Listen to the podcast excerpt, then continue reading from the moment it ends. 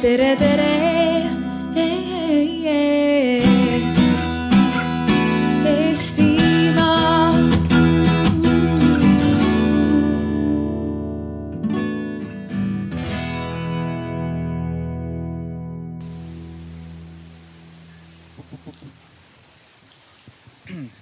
Tere tulemast.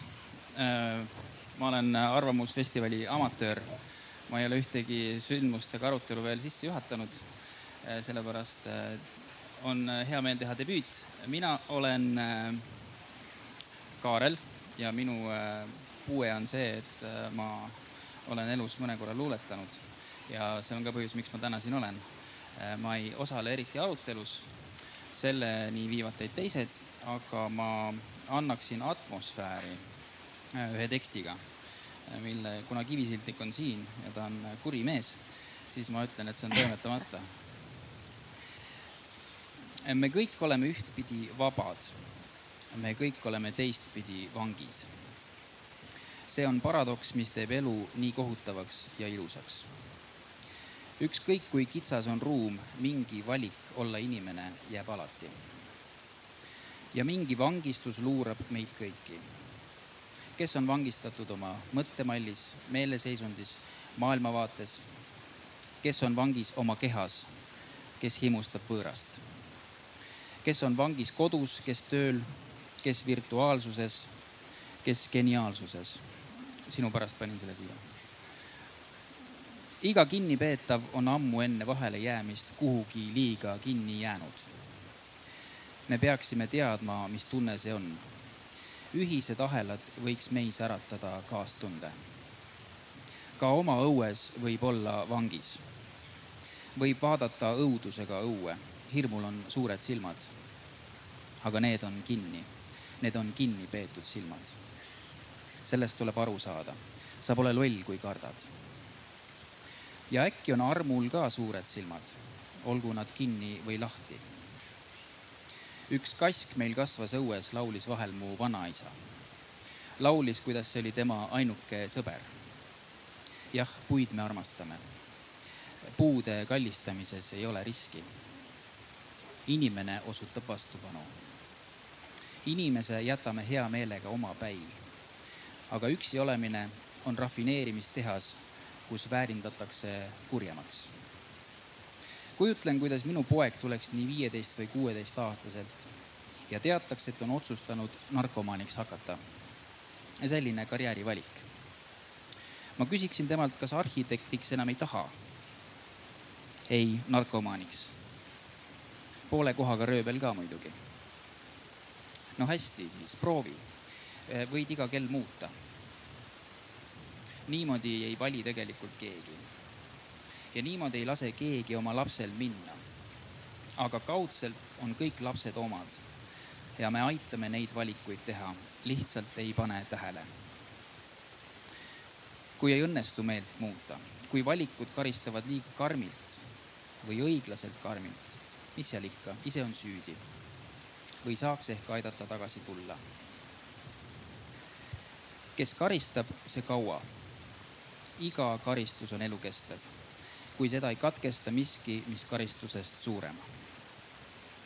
tütar ütles kord mulle südametäiega, et vihkab mind. ta kasvab kristlikus kodus ja mäejutluse alusel võrdub selline sõna mõrvaga. tütar teab ka, et sõnad võivad tappa.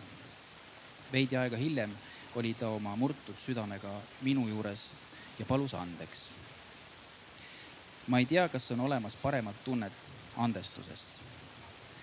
sest andestada tähendab anda inimene vabaks. ma ei tea, kas suudaksin andestada kellelegi, kes teeks minu omadele kurja. täna vist ei suudaks. aga ma tahaks, et mul oleks selline süda. uue võimaluse andmine on valu ja risk ja koorem. Keegi peab selle kinni maksma. aga ma kardan, et uut võimalust andmata on hind veel kõrgem olge head.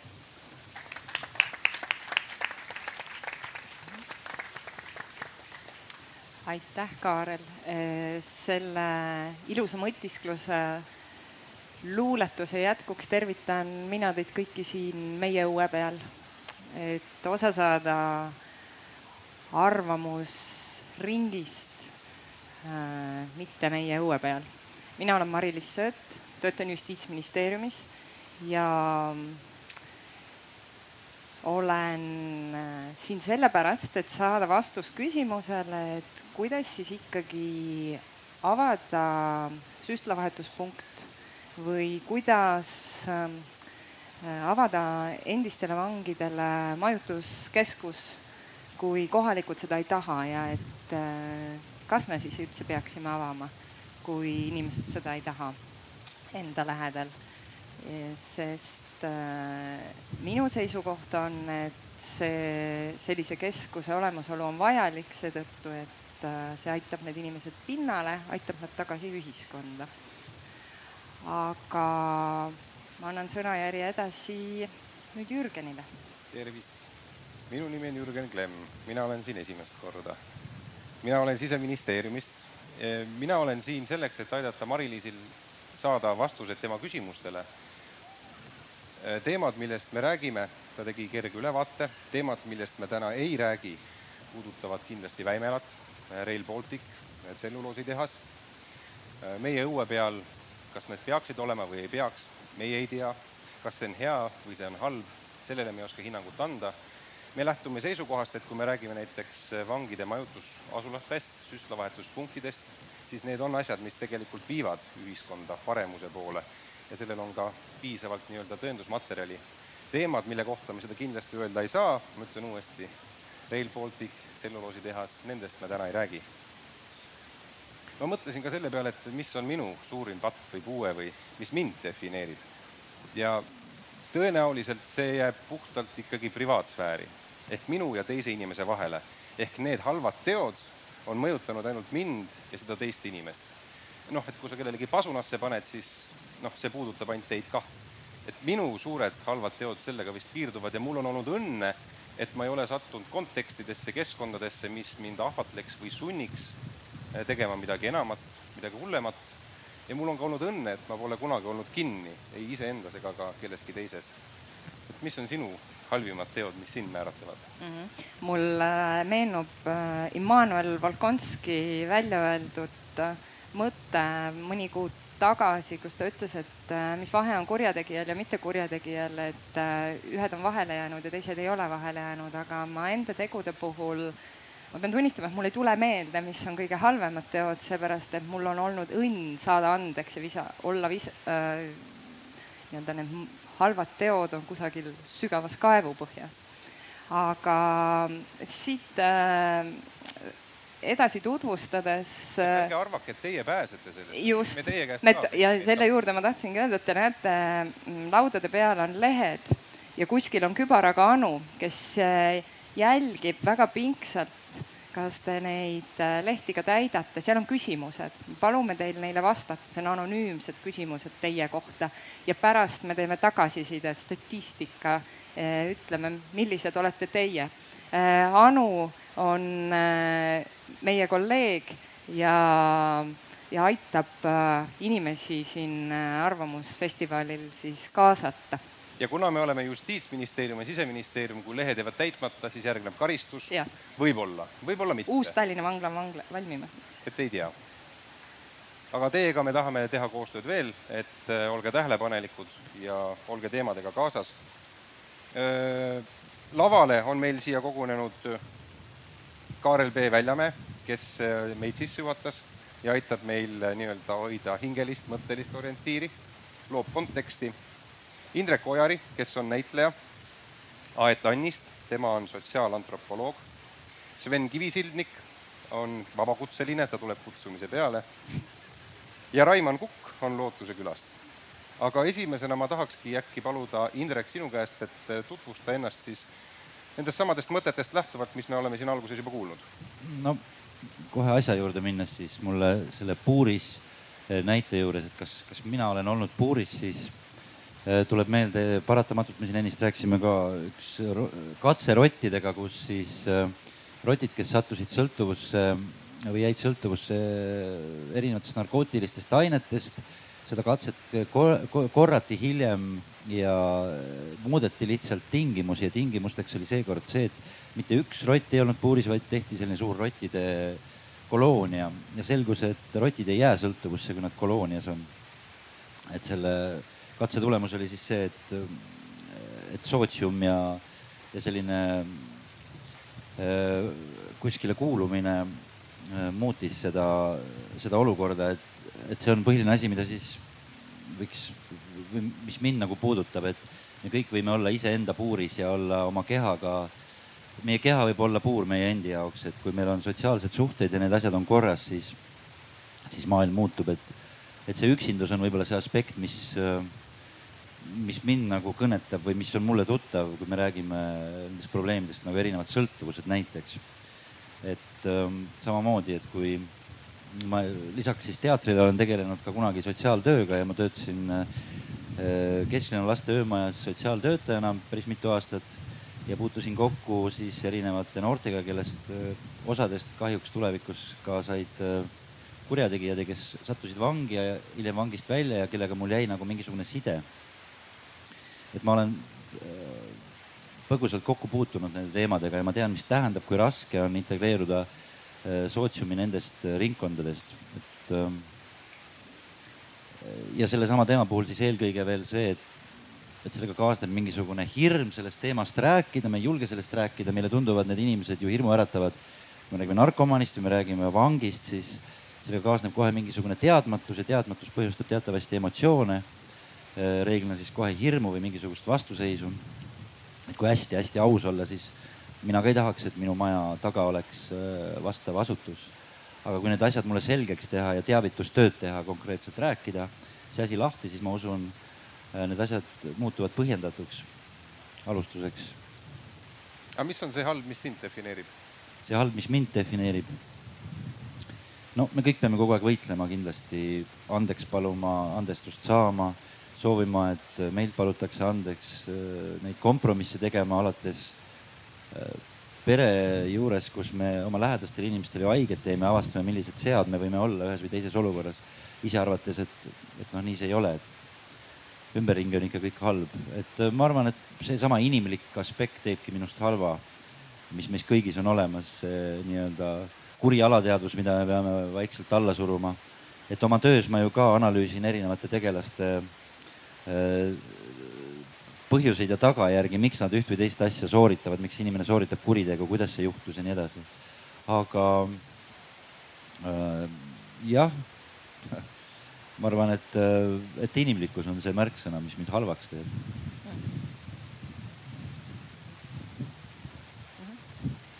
aga Aet, tutvusta ennast.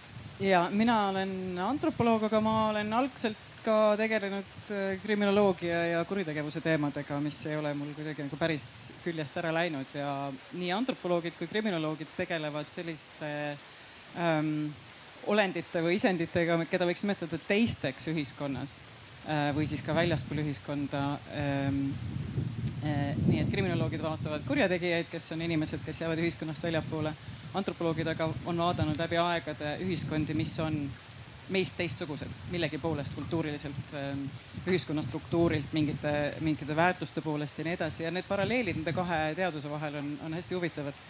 aga mm, kuivõrd see tutvustusring nõuab nüüd sellist isiklikku enesepaljastust sellisel teemal, et mille, mis, mis nagu inimest defineerib ähm, tema, tema halbades tegudes ja samamoodi nagu teisedki, ma ilmselt konkreetseid mingeid tegusid otseselt välja kirjeldama ei hakka, aga ma arvan, et tegelikult need halvad teod, milleks suuremas osas võib-olla on just nimelt see võime kurjuseks, võime selleks, et me oleme just nimelt nõrgematega näiteks äh, halvad olnud oma elus.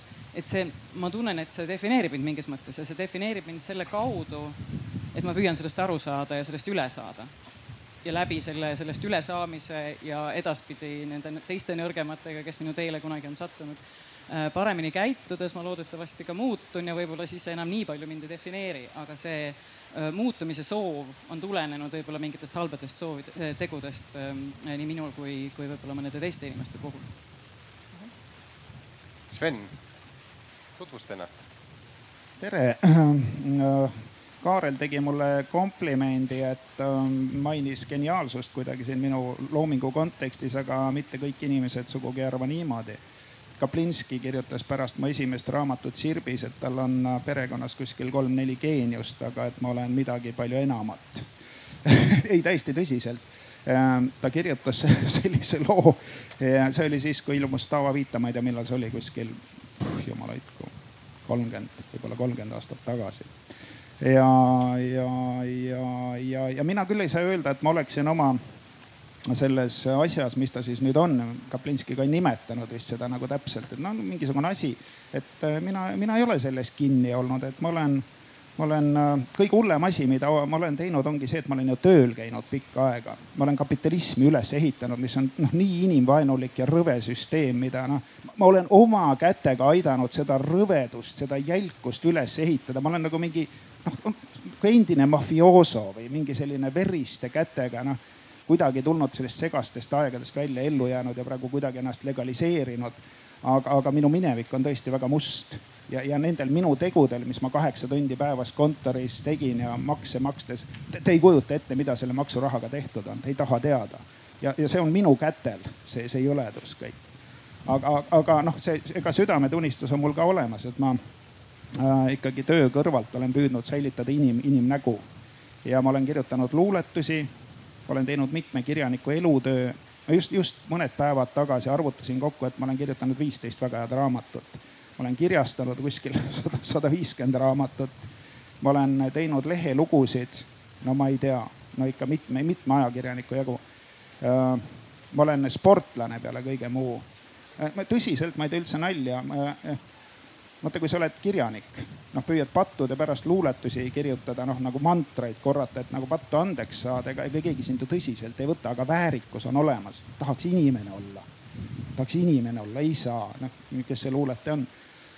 Hakkasin sportlaseks ja ma olengi praegu kahekordne maailmameister. Et äh, aga sellest ma ei taha pikalt rääkida, ma, see on tõesti ainult sellepärast, et ma ennast inimesena tunneksin, ega see ei ole mul, see ei ole kellegi teise pärast tehtud, see on ainult, ainult, et endal oleks natukene kerge. Selline ma olengi, ma ei tea, kas nüüd piisab. kui sa ise arvad aga, aga, aga mis nagu näiteks süstaldesse puutub ja, ja kõigesse sellesse, ma kunagi Tartu aegadel elasin korteris mis varastati sellepärast tühjaks, et äh, kõrval korteris oli väga kahtlane seltskond. Et, äh, et ma tõesti ei taha. et ma arvan, et neid süstlaid neil on vaja, aga näiteks tänapäeval, ega meil on ju, ju noh, kõik asjad on nii minevikus ja traditsioonis kinni. no mis süstlapunkt? Meil pitsa tuuakse taksoga koju igasugused asjad tuuakse koju, kas te kujutate ette, et narkomaanil, no ma tõesti, mu mitu väga head sõpra on narkosurma surnud, aga ma ei tea sellest narkomaani värgist rohkem, kui ma olen sellest Kenderi kirjastatud narkomanist lugenud. aga sellest, no ütleme ajakirjanduse põhjal on jäänud mulle mulje, et kui tal ikkagi on vaja süstida, siis ta süstib. ja kui ta diileri sai helistada, sai ära, tal telefon on olemas, võib-olla ta helistab süstla taksole ka. Et võib-olla peaks selle süstla talle kätte viima. no kui diileriga ei saa koostööd teha, et noh anna talle need süstlad ka, et saad pärast kergema karistuse või midagi sellist, et noh, võiks ju ka integreerida diilerid ühiskonda. et noh, mõelda tuleb, tehnika on edasi läinud, me ei pea olema kinni mingites punktides, noh, meil on ikkagi demokraatlik riik, kus äh, kõrgem võim on mitte pangal, vaid rahval ja kui rahvas ütleb ei taha, siis nii ongi. Noh, mitte et see rahvas mulle nii väga meeldiks, aga ma üritan olla seaduskuulekas, aitäh. aitäh, Raimo minu minevik kindlasti on äh, selline, mis on võib-olla siis natuke teistsugune kui teil et mina olen siis endine narkomaan, et täna olen kuus aastat siis uues elus ja tegelikult narkomaane me nimetasime ka nagu, et nad on ka sportlased, odaviskajad. et nad viskavad nagu süstat, vaata, nimetasid odaviskajad. Ja siin üks saade oli, kus suud puhtaks mulle öeldi, et kuule, sina oled, Raimond, vist Eesti kõige kuulsam narkomaan. et äh, mul ei ole kunagi elus sihukest unistust olnud, et minust peaks saama Eestimaa kõige kuulsam narkomaan. et eh, see ei ole kunagi mu unistus ega soov olnud, ma pole lapsepõlve, lapsepõlves käinud suure sildiga, et oh, siit ma tulen, tead, narkomaan, jess, halleluuja, väga vägev, tead. sihukest asja pole kunagi olnud. aga kui rääkida sellest kõige hullemast teost, siis tegelikult ma usun, et need kõige hullemad teod eh, lükkavadki tegelikult seda inimest aina rohkem tarvitama ja tarvitama et kui ma mõtlen iseenda peale, siis on õige? ma mõtlesin, et äkki tormasin ette, mul oli üks küsimus anti. aga ma ei hakka siin pihtima hullult, et kõik oodavad, räägi nüüd kõige hullem asi ära. aga see oli, ma usun, et kõige hullem ja kõige nõmedam asi, mida ma mõtlen sellest minevikust, et ma just vaatasin silmaga üle, et kedagi vana tuttavat ei ole siin. võib-olla mõni tuttava tuttav on. Ja, aga ühesõnaga see tegelikult kõige hullem asi oli see, muidugi kui ma olin narkodiiler ja siis äh, see, kui teistele inimestele müüsime ja siis müüsime nagu meelega hästi palju niimoodi, et ta lõpuks jäi hullult võlgadesse ja siis nende kantpeadega läksime nagu võlgu sisse nõudma. ja siis lõpuks inimene pidi nagu enda korterid panti panema. see oli nagu veel ilus lugu selle kõrval, et kui sa oled kellegi tüdrukuga nagu koos ja ta pole ennem kunagi narkootikume tarvitanud ja siis tal on raha ja minul on nagu see fentanüüli lomka, et mul on nagu võõrutusnäht ja siis ma sellele tüdrukule nagu räägin augu nagu pähe, et ta ka nagu teeks seda ainet ja siis lõpuks on see, et vaata, ta on nagu surnud täna. siis see on tegelikult see, mis on nagu tohutult nagu valus ja mida ma enda elus nagu muuta ei saa ja viimase kümne aasta jooksul kuskil seitseteist mu lähedast nagu sõpra on surnud. Nii et see on kindlasti see valu ja see asi, mida ma enda elus muuta ei saa aga, aga mis nagu ongi sõltlane samamoodi, ta on sõltuvuses konkreetselt sellest tundest, mida see aine annab ja ega seal ei ole vahet, kas see on alkohol või on see narkootikum. aga inimene lihtsalt eh, tarvitabki seda, et mitte tunda sedasama siis seda valu ja siis neid samasid, neid tegusid ja asju, nii et selles mõttes kui inimene saaks nagu vabaks sellest valust või sellest asjast, siis tegelikult kaob ka automaatselt ära see tahe tarvitada, sest ta tunneb ennast hästi. nii et ma usun, et see, mis sa ennem luuletasid väga ilusti väga hästi luuletasid et äh, seal oli väga just hästi see räägitud, mismoodi inimene ongi iseenda vang ja ma usun, et sinna veel lisada, et nende valude vang ja, ja mida ainult aine, ainet, ainet rohkem tarvitad, seda rohkem sinna vangi tegelikult kinni jääd. Raimond, sina oled olnud ühiskonnast nagu täiesti väljas, noh nagu väljas, väljas.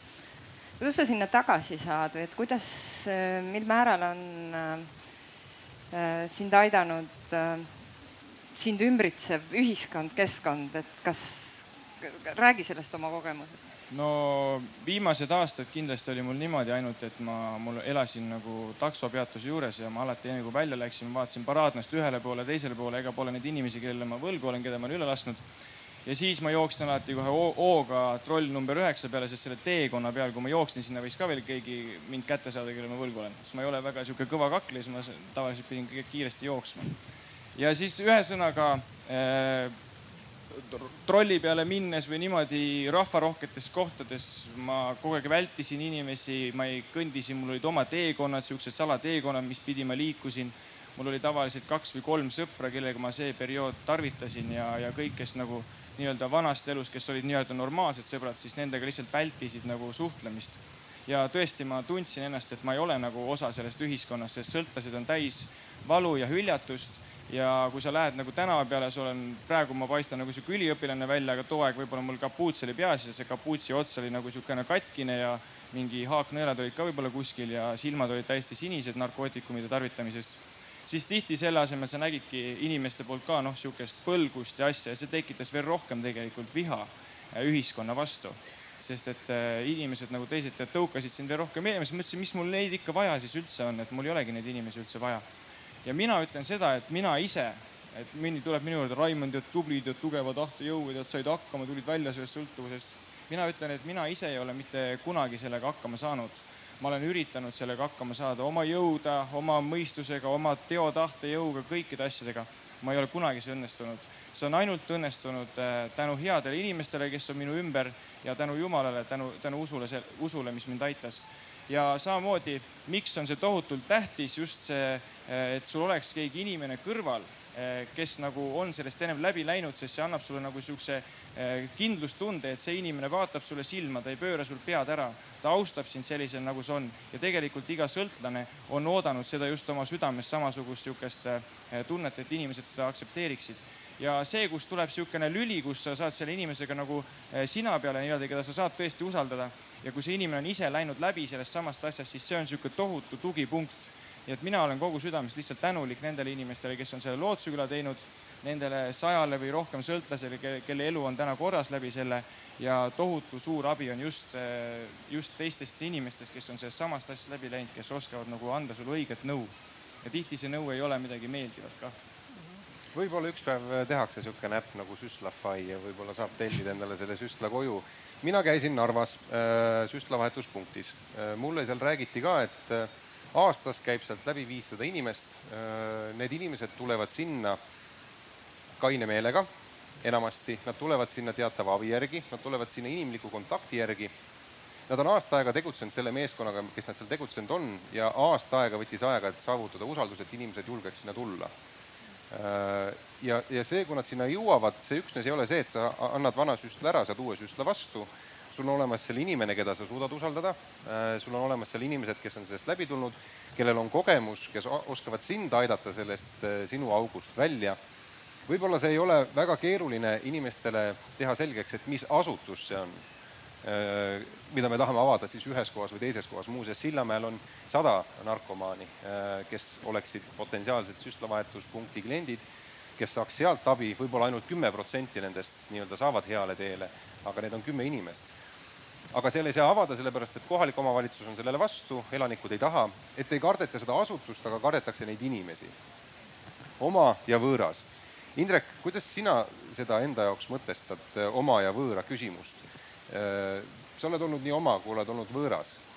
aga, aga mis sina arvad, miks, miks neid inimesi siis kardetakse, mis see on, mida kardetakse? kardetakse teadmatust eelkõige. teadmatus on see, mis hirmutab ja nende inimeste või puhul just seda, et äkki ta tuleb ja teeb mulle liiga, äkki ta varastab mult midagi, äkki ta tahab mulle kurja, äkki ta on liialt enda kasu püüdlik ja, ja teeb kõik selleks, et saada selle doosi jaoks raha kätte või mis iganes, et tal on seda tohutult vaja, tema on harjunud niimoodi üles kasvanud, et see on ilmselt see, mis meid põhi, põhiliselt hirmutab.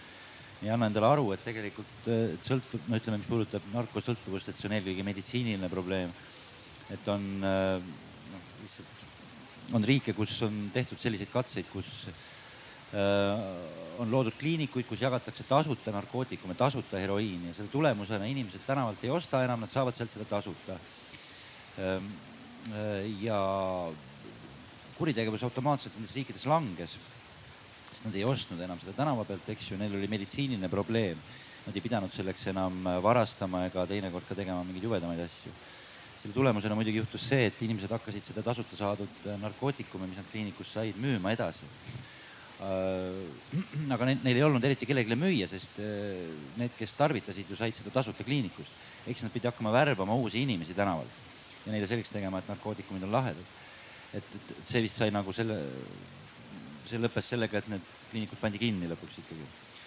aga süstlavahetuspunktidest rääkides veel, et siin ma ka nagu huvi pärast äh, tegin lihtsalt mingit uurimust ja vaatasin palju internet ja see avarus nagu see, selle teema kohta annab, et näiteks siin on veel näiteid Šveitsist, kus äh, presidendi maja taga on süstlavahetuspunkt ja ta ise hoolitses selle eest, et see sinna saaks.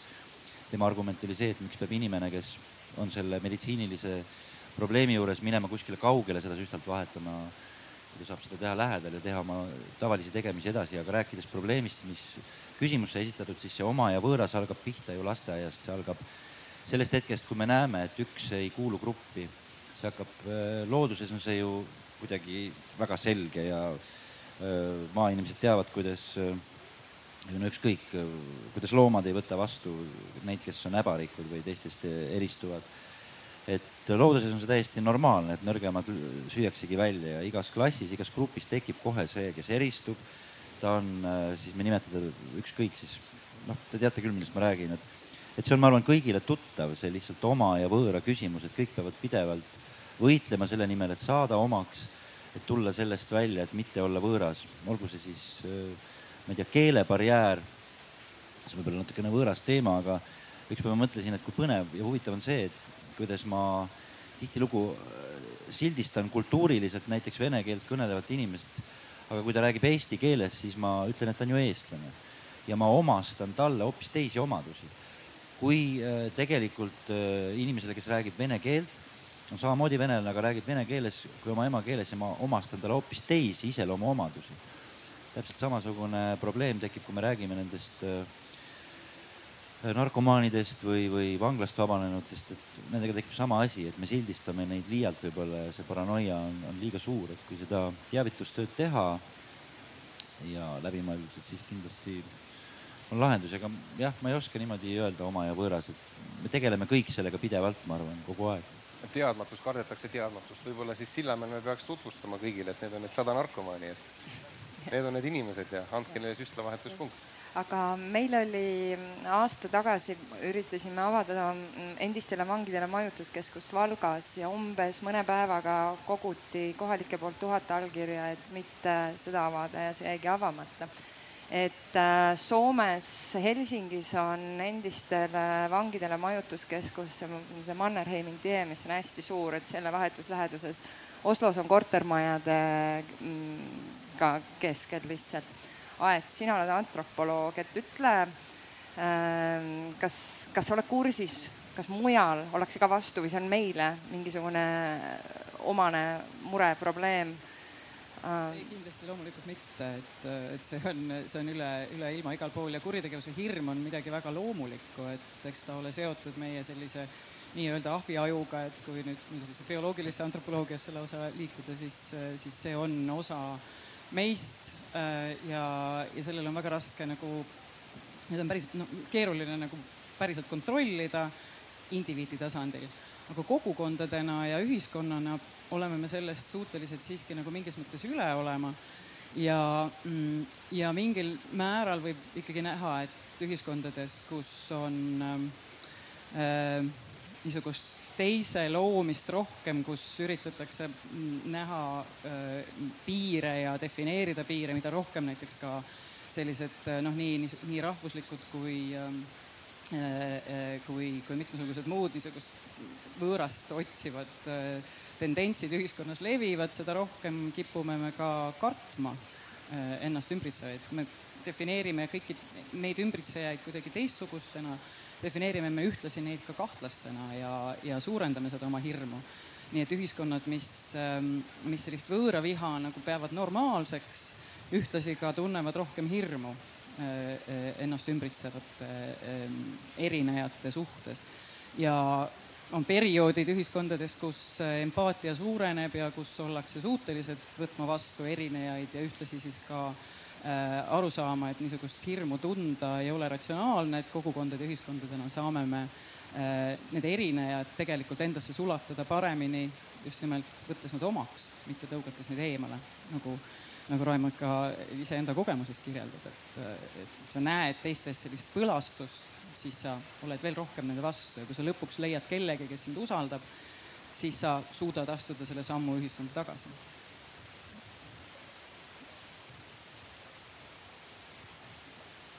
aga, aga Raimond, ütle sina, kas siis peab kartma seda võõrast?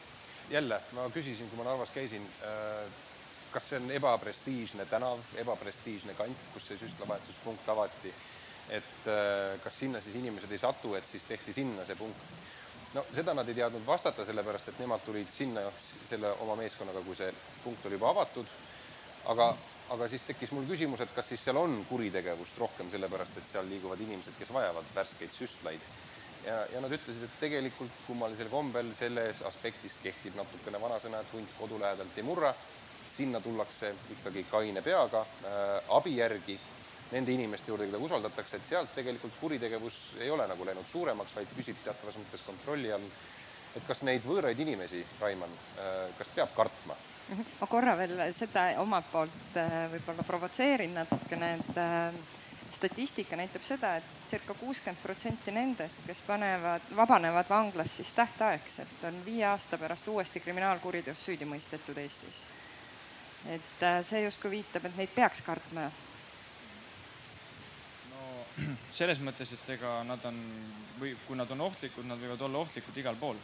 Aga tänapäeval äh, mina ei tea, kui palju nagu inimesed, nii palju kui mina olen aru saanud, väga inimesed nagu enam ei tee selliseid asju, mida võib-olla tehti üheksakümnendatel või midagi, et keegi väga harva võib-olla tead kuskil, ma ei tea, teeb kotijooksu või mingisuguseid tead isikuvastalisi nagu kuritegusid, ma ei usu, et seda enam nii, eriti narkomaanide seas, et ta tahab minna nüüd kellelegi, tead doosi on vaja nii väga ja ta läheb, annab kellelegi kaikaga pähe, et ma ei usu seda, sest ma mäletan ise, kui mul oli väga halb olla, siis siis ma hädavaevu üldse liikusin, et äh, teha mingisugust nagu kuritegu veel eraldi, see on nagu minu jaoks nagu noh, absurdne.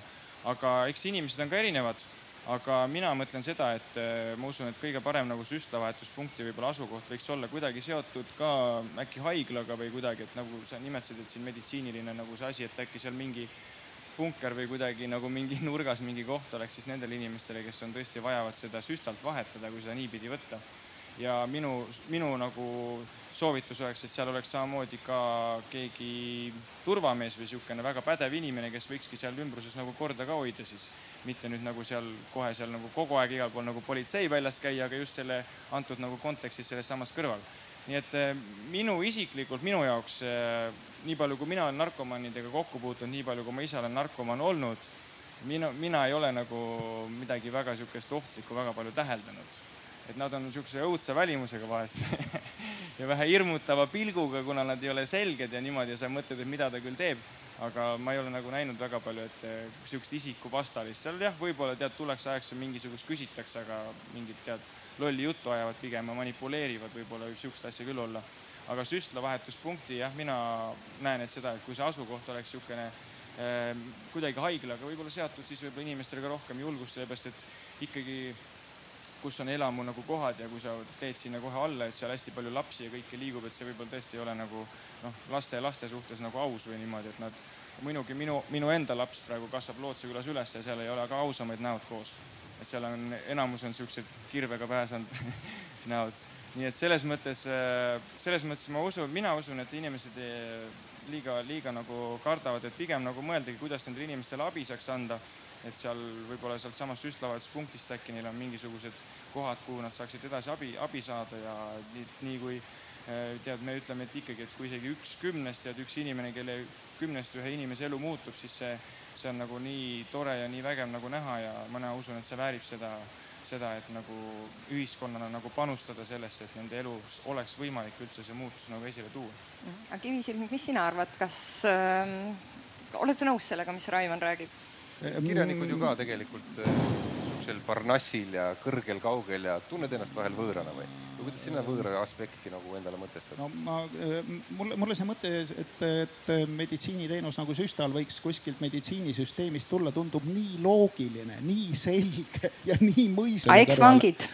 eksvangidega ma olen koos elanud ühes noh, nagu sihukeses majas vaata kirjanikud äh, on Parnassis siis, kui nad on kas rikkast perekonnast või on nad ajalukku kirjutatud ja ammu surnud, aga kui ta on noor kirjanik Tartus, nagu mina olin see oli veel selle impeeriumi all, mis, mis ehitas kirjanike maju, mitte ainult vanglaid. nüüd me elame uue võõrvõimu all, mis siis elab, ehitab ainult vanglaid. aga Tallinnas vaadake hoolega, Harju tänav üks on üks kirjanike maja, mida ehitas eelmine võõrvõim. üks on Kadriorus kirjanike väga ilus kortermaja. aga mina ei olnud siis nii, nii, nii tuntud kirjanik veel ja mina elasin Tartus Karlovas Õnne ja Kesktänava nurgal, kus elasid põhiliselt pensionärid ja, ja erinevat tüüpi asotsiaalid ja seal oli ka palju, seal oli üks harrastusprostituut oli hoovi peal. tema kliendid, noh, kes seal vahel uksega eksisid, noh, ma pidin neid ikka haamriga nagu oma, oma uksest nagu, et tal ikka päris maha ei lõhuks seal elamist äh, eemale ajama. ja, ja seal Kesktänava pool olid, äh, elasid vangid, noh eksvangid ja nende elustiil oli selline, nemad muide ei varastanud minu korterit tühjaks, kõrval korteri joodikud koos kaks maja eemalt joodikutega, noh pensionäridel on silm peal, nad noh kõik näevad, kes, kes teeb, kes korraldab, kuidas see asi käib. et ähm, aga see elu oli tegelikult päris hirmus. seal tapeti küll, aga mitte seal majas.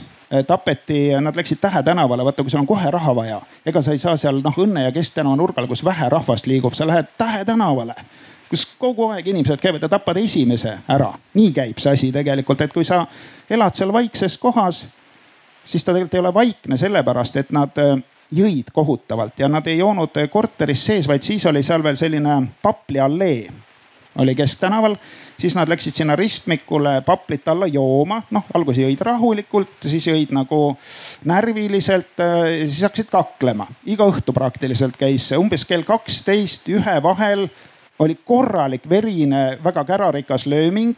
siis tuli politsei või siis oli vist veel miilits, viis nad ära. siis nagu korraks sa tead, et see on ainult korraks, kohe tulevad nad miilitsast välja ja hakkavad omavahel nagu arveid õiendama, kes kitse pani ja see on, siis tuleb see see põhilööming tuleb seal kuskil, ma ei tea, kahe-kolme või, või mõnikord ka nelja ajal.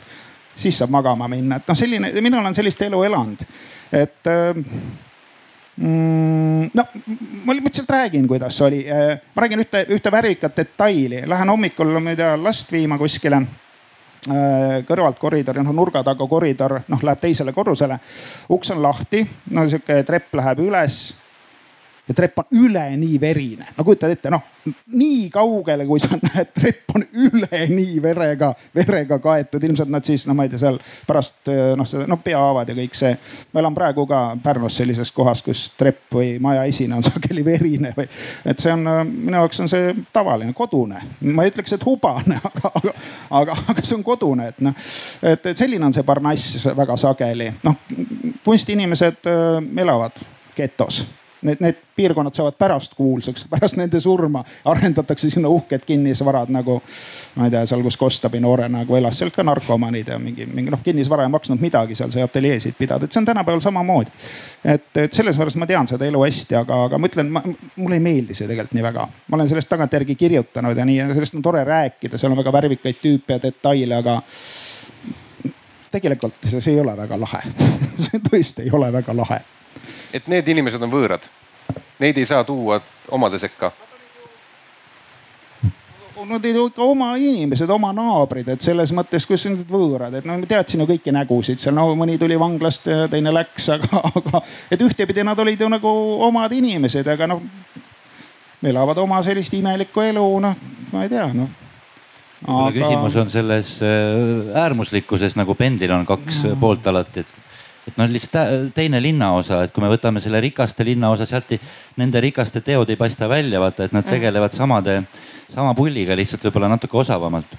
aga mis puudutab äh, mulle väga, see ärgitas kohe nagu rääkima sellest, et kui mina sotsiaaltööd tegin ja töötasin tänavalastega, siis äh, ainuke asi, mis, mis mulle tundus tollel perioodil, mis aitaks või mis, mis muudaks midagi üldse, on, ongi see millest siin ka näitena juttu oli, et miks vangid satuvad vanglasse tagasi, on ikkagi see keskkond.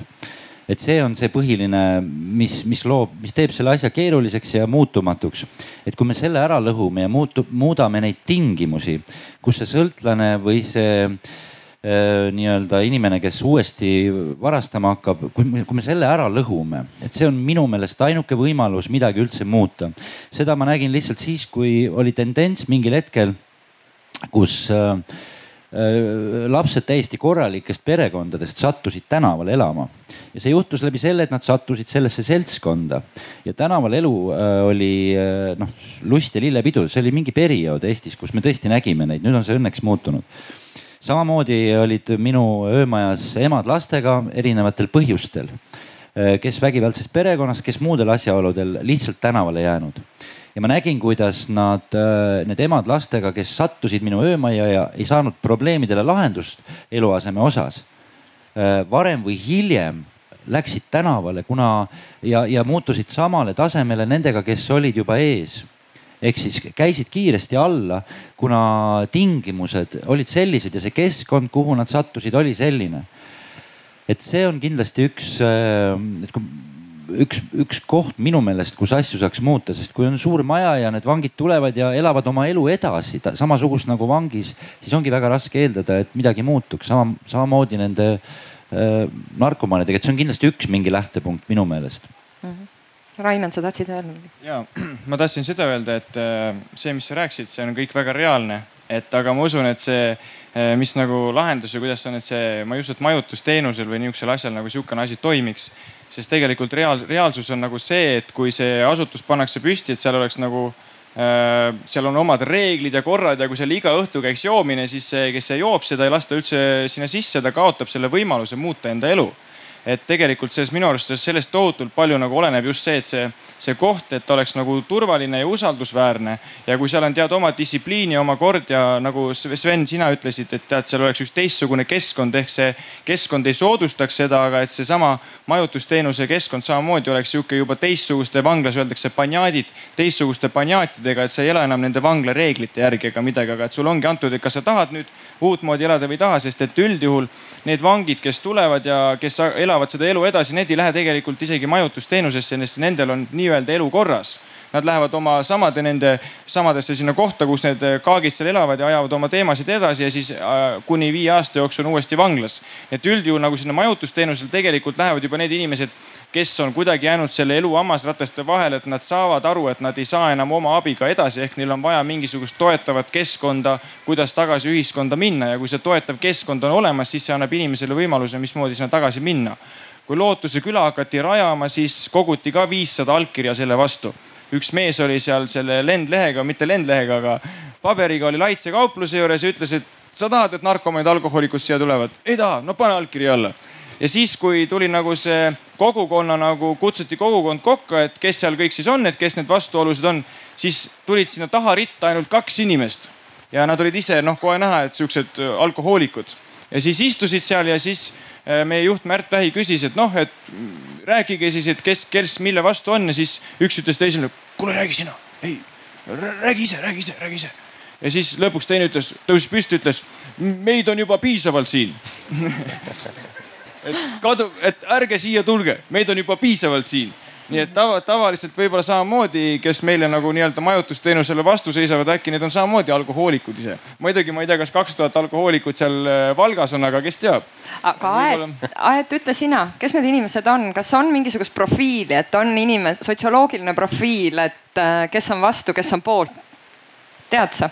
Äh, pigem kui nagu jälle vaadata indiviide, kes on poolt ja kes on vastu, oleks võib-olla äh, rohkem põhjust vaadata kogukondi, mis on vastu või mis on poolt. ja nende kogukondade iseloomujooneks ilmselt on mingis mõttes just nimelt marginaalsus, täpselt nagu see, nagu Raimo ütleb, et, ähm, et see ongi, ongi rohkem nende, äh, nendele kogukondadele probleemiks, kus juba on väga keeruline niigi ja kiputakse sageli selliseid asutusi tõepoolest rajama äh, piirkondadesse, mis on niigi juba äärealad, mis on nii-öelda nagu selline reostus kusagil linnanurgas, et no mis paneme sinna veel midagi juurde, eks ole, et enam vahet ei ole ja need inimesed tõusevad selle peale tagajalgadele. ja meil oli ennem juttu, et me ei räägi siin Väimelast ja kõigist nendest muudest ähm, sel aastal lahvatanud teemadest, aga mingis mõttes tasub seda siiski meelel, meelis hoida, et äh, selliste protestide näol on tegemist millegi positiivsega, eriti Eesti kontekstis, äh, kus protestivõime on olnud väga madal väga pikalt ja need on nüüd näited sellest, kuidas äh, eestlased on suutnud leida võime protesteerida, tulla kokku ja astuda millelegi vastu aga äh, see protest võib olla kaasav ehk siis nagu selliseid äh, erisusi ühendav millegi vastu, mis äh, nagu väljaspoolt seda kogukonda, kogukonna elukeskkonda nagu muuta ähvardab aga see võib olla ka selline, mis veel rohkem eristab. Ja, ja see niisugustes marginaalsemates kogukondades on see eh, eristav moment ilmselt suurem, et neil on niigi väga vähe sellist eh, nii-öelda sildavat sotsiaalset kapitali, sotsiaalset kapitali, millega eh, luua mm, niisugust suhet teistsugustega ja, ja ainus, mis äh, paneb nad lahvatama, on äh, niisugune äh, tunne, et veel mingisugune ebameeldiv nähtus tuuakse nende keskkonda juurde. ja selle tõttu mulle, mulle väga meeldis see näide Tšehhi presidendist, kes oma tagahoovi sisuliselt süstlavahetuspunkti tegi, et mingis mõttes oleks tunduvalt parem äkki lähenedagi nii, et ähm, niisugused mm, niisugused asutused peaks looma sinna, kus probleeme mitte siis veel ei ole, aga kus probleeme on vähem ja kogukond on selles mõttes nagu äh, vastuvõtusuutlikum. samal ajal nende kogukondade profiil, kes on võimelised protesteerima, äh, on mingis mõttes ka homogeensus. nii et näiteks, kui ma nüüd äh, õigesti mäletan, kas polnud Pirital taheti ehitada Maxima kauplus ja juba selle peale tõusis Pirita keskkond tagajalgadele ja taas tegemist on sellise homogeense keskkonnaga kus on tunne, et meie oleme kõik sellised toredad siin, ilusad, rikkad ja puhtad ja siis tahetakse siia tuua selline jäle asi nagu Maxima kauplus ja mis siis sellega kõik kaasa tuleb? Et äh, mida, mida sellisem kirjum ja, ja mm, mitmekülgsem on, on kogukond, seda rohkem on see ka suuteline äh, erisustega nagu paremini toime tulema, aga ilmselt nende lahenduste, ma, ma ei taha sellesse teemasse veel liikuda, et see kõik tuleb, tuleb pärast. Mm. -hmm aga kas ma saan siis õigesti aru, et äh, kui ma üritan kokku võtta esimest poolt, et äh, põhjused, mis takistavad selliste asutuste avamist, on äh, esiteks teadmatus. inimesed ei tea, inimesed kardavad ja teiseks ka teatavas mõttes selline võib-olla ebaõiglustunne, et, et eestlane võib-olla ei ole veel jõudnud sinnamaani, kus ta tunneks, et ta saab teisi inimesi aidata või et, et ma veel tegelen enda probleemidega, et kas ma saan sellest õigesti aru, mis teie sellest mõttest ülejäänud arvate? olete nõus, vaidlete vastu? Mul on selline mm, nagu kahtlus, et äh, inimesed väga-väga raskelt ja väga vähesed muudavad oma elustiili. Noh, näiteks ma lugesin ühe uuringu kohta, mis rääkis, see oli, see oli ameeriklaste uuring inimestest, kellel oli noh, ütleme surmav tervisehäda, nad olid haiglas ja oli teada, et kui nad ei lõpeta joomist, kui nad ei hakka noh normaalselt sööma või liikuma, nad surevad et nad pidid oma eluviisi muutma, see on hästi ebameeldiv asi, noh muuta oma sellist noh, sinu mugav, võib-olla see õgimine ongi ainus, mis sul elus on või joomine. no ja teleka vaatamine, sa ei, sa ei saa rattaga sõita, see on nii nüri, eks ole, aga sa tahad neid põnevaid telesaateid vaadata. et äh, see uurimus väitis seda, nad teadsid, et nad surevad, kui nad midagi ei muuda. ja mis te arvate, kui suur see protsent oli, kes noh nägi selle vaeva ära hakkas elama rasket, ebameeldivat, jubedat elu, mis oli täiesti võõras, võib-olla hullem kui vangla nende jaoks, aga nad jäid ellu ja neid ellujääjaid oli viisteist protsenti. teised lihtsalt konkreetselt eelistasid nagu mugavat elu ja sellele järgevat surma.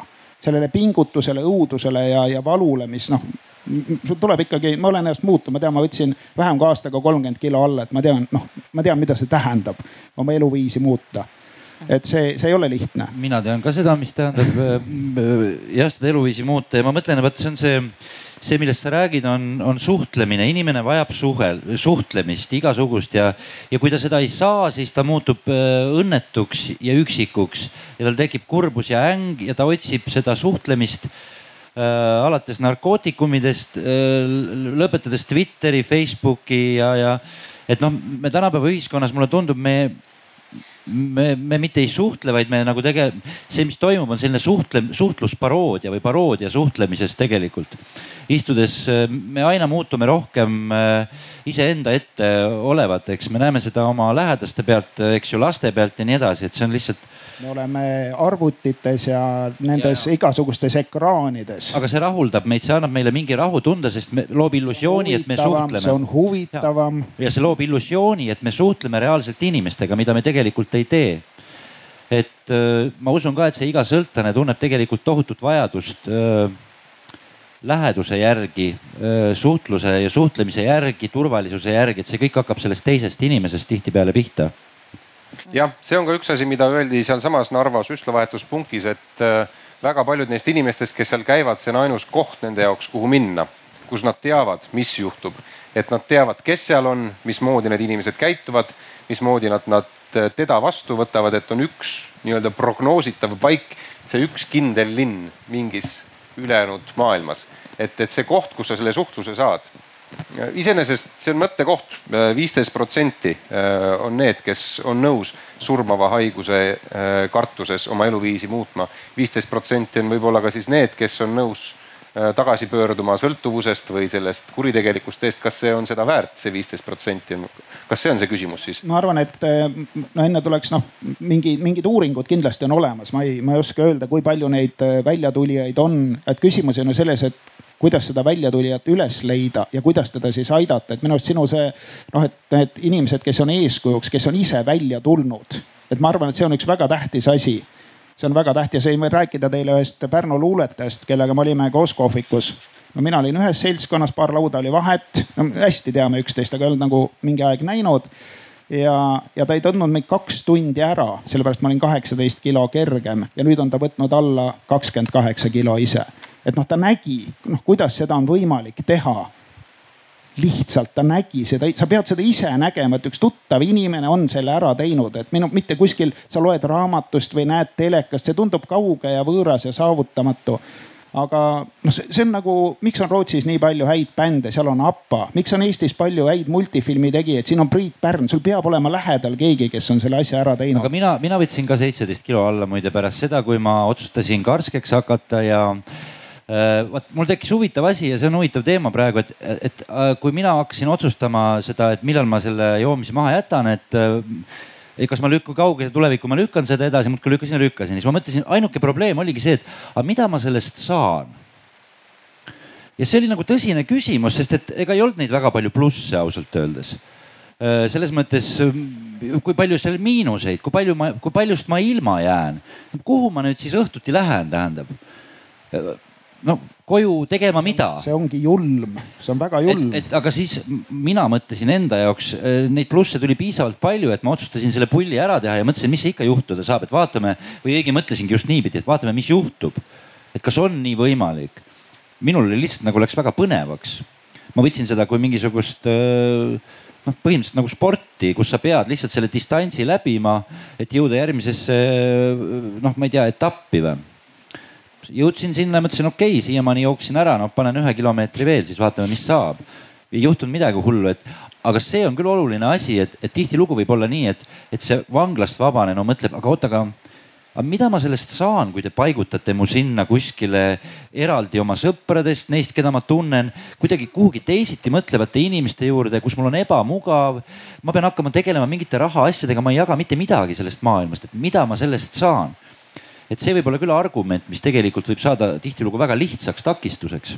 Kusjuures vangidel, nii palju kui minul on kokkupuudet, siin on publiku seas äh, inimesi, kes nendega töötavad, ma tean, või on töötanud, on see, et neil on tohutud unistused, et et äh, neil on, nad on vanglas üles ehitanud endale maailma, paralleelmaailma, et kui nad vabanevad, oh siis nad hakkavad tööle, siis nad hakkavad korralikuks ja nii edasi, aga noh, reaalsus on tegelikult see täiesti vastupidine, unistustele vastupidine, et, et nad tegelikult tahaksid teistmoodi, kui nad seal on vanglas.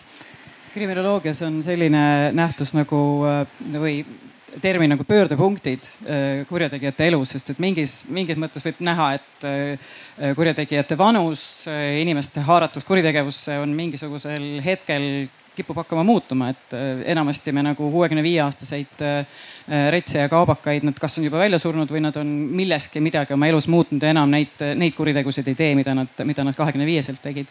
ja, ja üks selline huvitav ja loogiline lisa selles ähm, on, et inimene peab olema vabaduses selleks, et need pöördepunktid temani jõuaks et vanglas enamasti inimene ei jõua näiteks selliste elu muutvate äh, asjadeni nagu, nagu endale partneri leidmine, laste saamine. vahel see muidugi läheb, toimub ka vanglas, aga siis see kuidagi ei mõjuta inimest piisavalt, et kusagil väljas on keegi, kes on, kes on minuga seotud nii et, äh, et mingis mõttes ka see etapp tuleb, tuleb läbida, et inimene peab olema väljas ja võimeline neid, nende pöördepunktideni, pöördepunktideni jõudma, et need mõjutaks tema elu piisavalt. pluss siis veel see, et, et, et nagu tulemus hakkab kõige väiksematest asjadest, et detailid moodustavad terviku, et kuskil Jaapanis on meetod, kuidas ennast muuta. see on tee ühte tegevust kolmkümmend sekundit vist. et noh, tee kolmkümmend sekundit võimlemist, mitte rohkem alusta sellest kõige väiksemast, nii väiksemast äh, asjast, et see, see, see ei võta sul tükki küljest ära, homme tee minut, võib-olla isegi nelikümmend sekundit, ära tee minutit, minut on võib-olla palju. ja samamoodi ütleme, ma usun, et inimene, kes hommikuti teeb voodi ära näiteks et või vastupidi, et inimene, kes ei tee hommikuti voodit ära, ta ei, ta lihtsalt ei tee. kuidas ta peaks suutma juhtida panka, kui ta ei suuda hommikuti voodit ära teha? et see on minu meelest väga hea kasvatusnipp et kuidas väikestest asjadest või, või kui minu endagi jaoks, kui ma tulen koju ja üks asi on vähemasti korras mu elus, mul on voodi tehtud, ma tegin selle hommikul ära, mul on üks pisikene, küll märkamatu pluss. aga et see on ka jälle, et millest nagu alustada, kui rääkida äh, nendest suurtest unistustest, siis unistusteks nad jäävadki, aga see väike voodi jääb tegemata mm.. jah, aga mm, tõmbame selle esimese jutuotsu või esimese poole meie vestlusest kokku äh, nüüd sellega, et me natuke, me tahame teid äh, liigutada. Äh, mitte vihma all, aga siinsamas katuse all, et, et ma loen teile ette või ühe, ühe juhtumi päris elust. et ja siis Anu abiga me liigume vastavalt siis teie otsusele, kas sinna suunas või siia suunas, et kus on ei või kus on, kus on jah, aga, aga reaalne juhtum on see, et sinu elukoha mm, kõrvaltänavasse rajatakse süstlavahetuspunkt ja sinu tänavas aktiveeruvad paar inimest ja hakkavad allkirju koguma süstlavahetuspunkti vastu. Ja nüüd on lihtne küsimus, et kas sa annaksid allkirja süstlavahetuspunkti vastu või ei annaks? et äh, otsus on teie, aumeeste mäng, keegi istekohta ära ei võta. saate pärast tagasi. jah, annan allkirja, selle vastu ei, ma ei anna allkirja. tahate süstlavahetuspunkti või ei taha?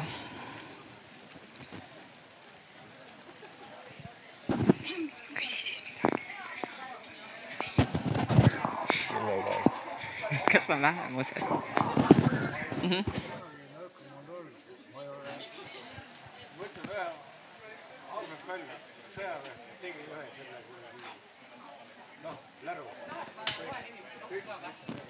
ei, enam-vähem.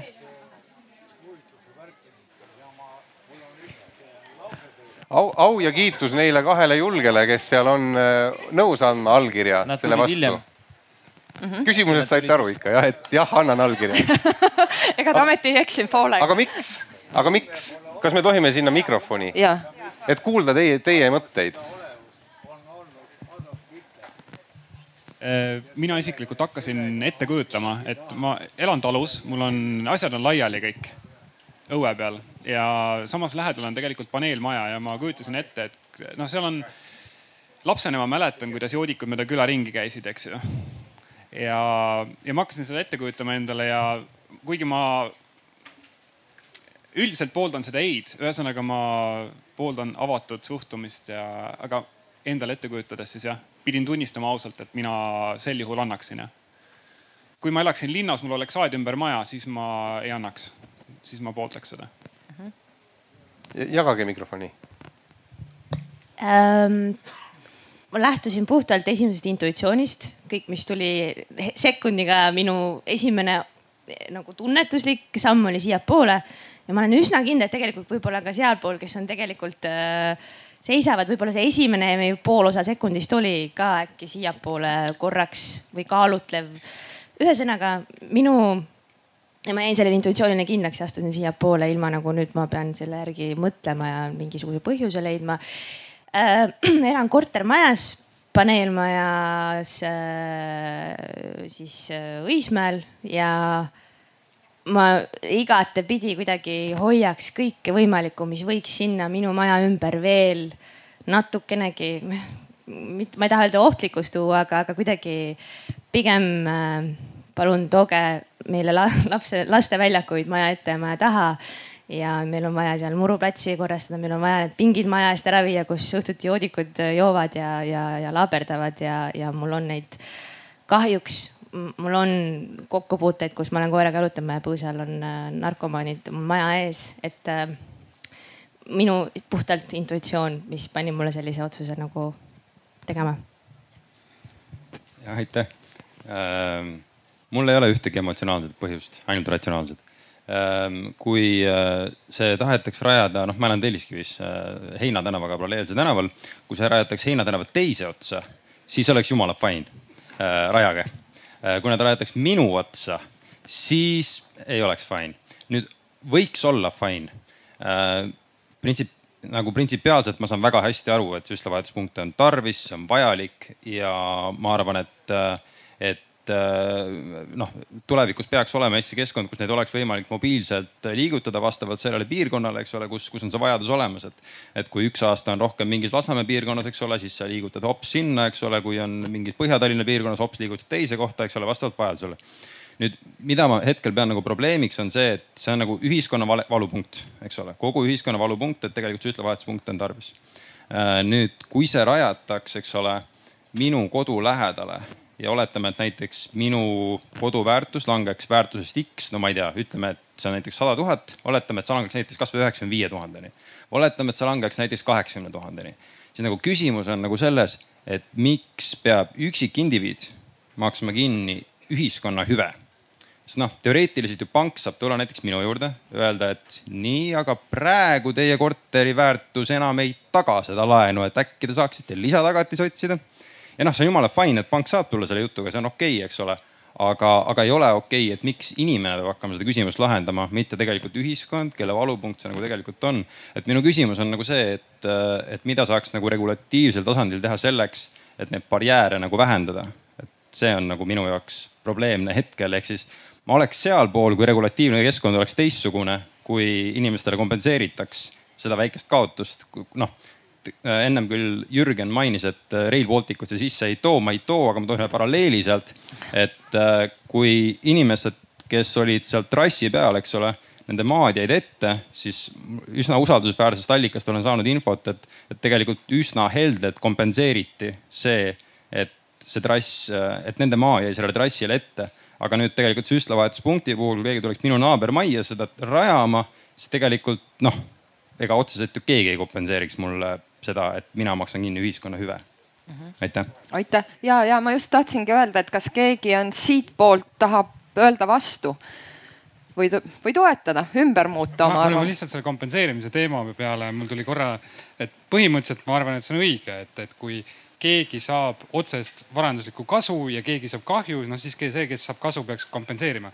ma arvan, et see nagu loogika töötab võib-olla ma ei tea, kaevanduste ja tehaste puhul. miks see ei tööta süstlavahetuspunkti puhul on see, et vastasel juhul peaksid sina korteriomanikuna maksma linnale kinni ka kõik laste mänguväljakud, kõik korda tehtud kõnniteed ja nii edasi no jah, nii ja naa, vaata, aga osa kõik, kõikidele kodu lähedale ei ehitata mänguväljakuid, on ju, et siis sa peaksid neile maksma, sest nemad maksavad ka makse ja noh, kui me tahame sihukest ausust taga ajada, et, et see on, see on okei okay,, noh, et, et, et see on lihtsalt repliigi korras, aga et äh, mina peaks ütlema, et ma tegelikult olen kuskil ei ja jah vahepeal, sest et äh, niisama mina inimesena ei lepiks, kui mulle öeldakse, et äh, teile tehakse süstlavahetuspunkt, siis ma tahaks teada, miks ja ma arvan, et see on hästi oluline, et keegi -hmm. peab suutma mulle adekvaatselt ära seletada ja noh, ma olen ikka sihukest nagu, nagu teadmiste ja argumendi usku inimene, et mulle peab ikka nagu argumenteerima, miks sinna. ja kui keegi suudab ära seletada, miks, siis ma olen nõus. Kui öeldakse, et äh, me otsustasime nii, punkt, no siis ma läheks ka nende hulka. meil oli Valgas selline juhtum, et äh, et meil äh, öeldi, et oleks pidanud varem, miks me loeme sellist asja ajalehest, et oleks pidanud varem meie juurde tulema, seal oli noh vangide, eksvangide majutuskeskus, siis ma küsisin, et kas see oleks muutnud. et kui oleks nädal, ei, me oleks rohkem allkirju kogunud, vot. aga aitäh ja. väikese jalasirutuse eest. Leidke oma kohad, loodame, et keegi ei näpanud istet ära. just, Kaarel, mis sina arvad? jaa oih, kõik hästi jah. Ehm, ma arvan igast asju, ma lootsin, et ma suudan ühe teksti genereerida. ei suutnud, ma ei ole nii võimekas või geniaalne. ja väga on hea, et ma panka ei juhi, sest ma täna hommikul jäi äh, voodi tegemata. Ehm, ja, ja üldse paturegister tundus, et kasvab, mul tuli, äh, mõtlesin nende asjade peale, mis mina olen valesti teinud ja siis äh, Äh, lihtsalt, kui ma väike olin, siis ma kartsin miilitsat, kõik kartsid. aga mul oli põhjust ka sellepärast, et kui mul und ei tulnud, siis ma haudusin selle plaane sellest, kuidas oma tädipoeg mõrvata. nagu päriselt, nagu päriselt mõtlesin selle peale kirglikult, sest ta sõi kõik vanaema nagu herned ära. Ja minu meelest see oli piisav põhjus, et ta kõrvaldada ja siis tegelikult lihtsalt see nagu äh, pani mõtlema seesama, millest sa Aet rääkisid, tegelikult see kurjus on meie sees. ja see kurjuse nagu äratundmine, et meil on ühisosa nendega, kes on kurjategijad. aga teistpidi äh, meil on ka headuse ühisosa äh,. Nendega samamoodi ja ma arvan, et see annab nagu lõpuks lootust, nagu Raimann äh, näitab meile siin ma mõtlesin selle peale, et äh, kui Kivisildnik algul ütles, et milleks süstlavahetuspunktid, et jube traditsiooniline, sama hästi võiks küsida, et milleks meile kirjanikud Äh, masinad on olemas, sõnad on olemas, mingi algoritm võiks teha väga häid tekste, sama häid kui äh, mina teen. ei ole, ei ole sellist algoritmi no,. lihtsalt ei ole olemas. nii sa väidad? ma tean näita mulle siis mõni selle algoritmi tehtud hea ma, raamat. ma arvan, et see on tehtud tehtav. ei ole, ma olen näinud neid. no see on, äh, ütleme nii, et võtta seda luulena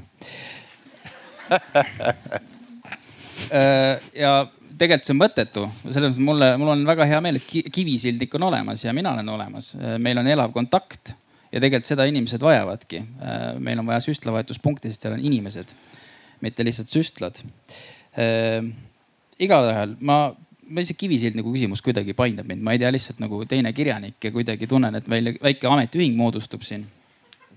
lihtsalt selline ajutine. Siis ma mõtlesin, et kas noh näiteks on mure ka selles, et milleks teha igasuguseid majutusi ja asju, kui kirjanikel ei ole, ei ehitata maju.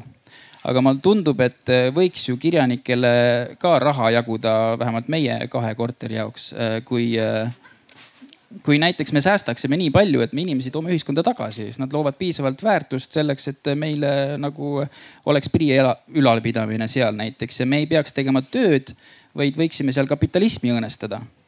Et sa saaksid ka lunastada oma minevikku pisut et äh, seal korteris kenakestki luuletusi kirjutada, et äh, lihtsalt äh, ma arvan, et on väga palju asju, kus me saaksime nagu panustada koos niimoodi, tekitada uut sünergiat oma igasuguste talentidega, mis meil on olemas siin.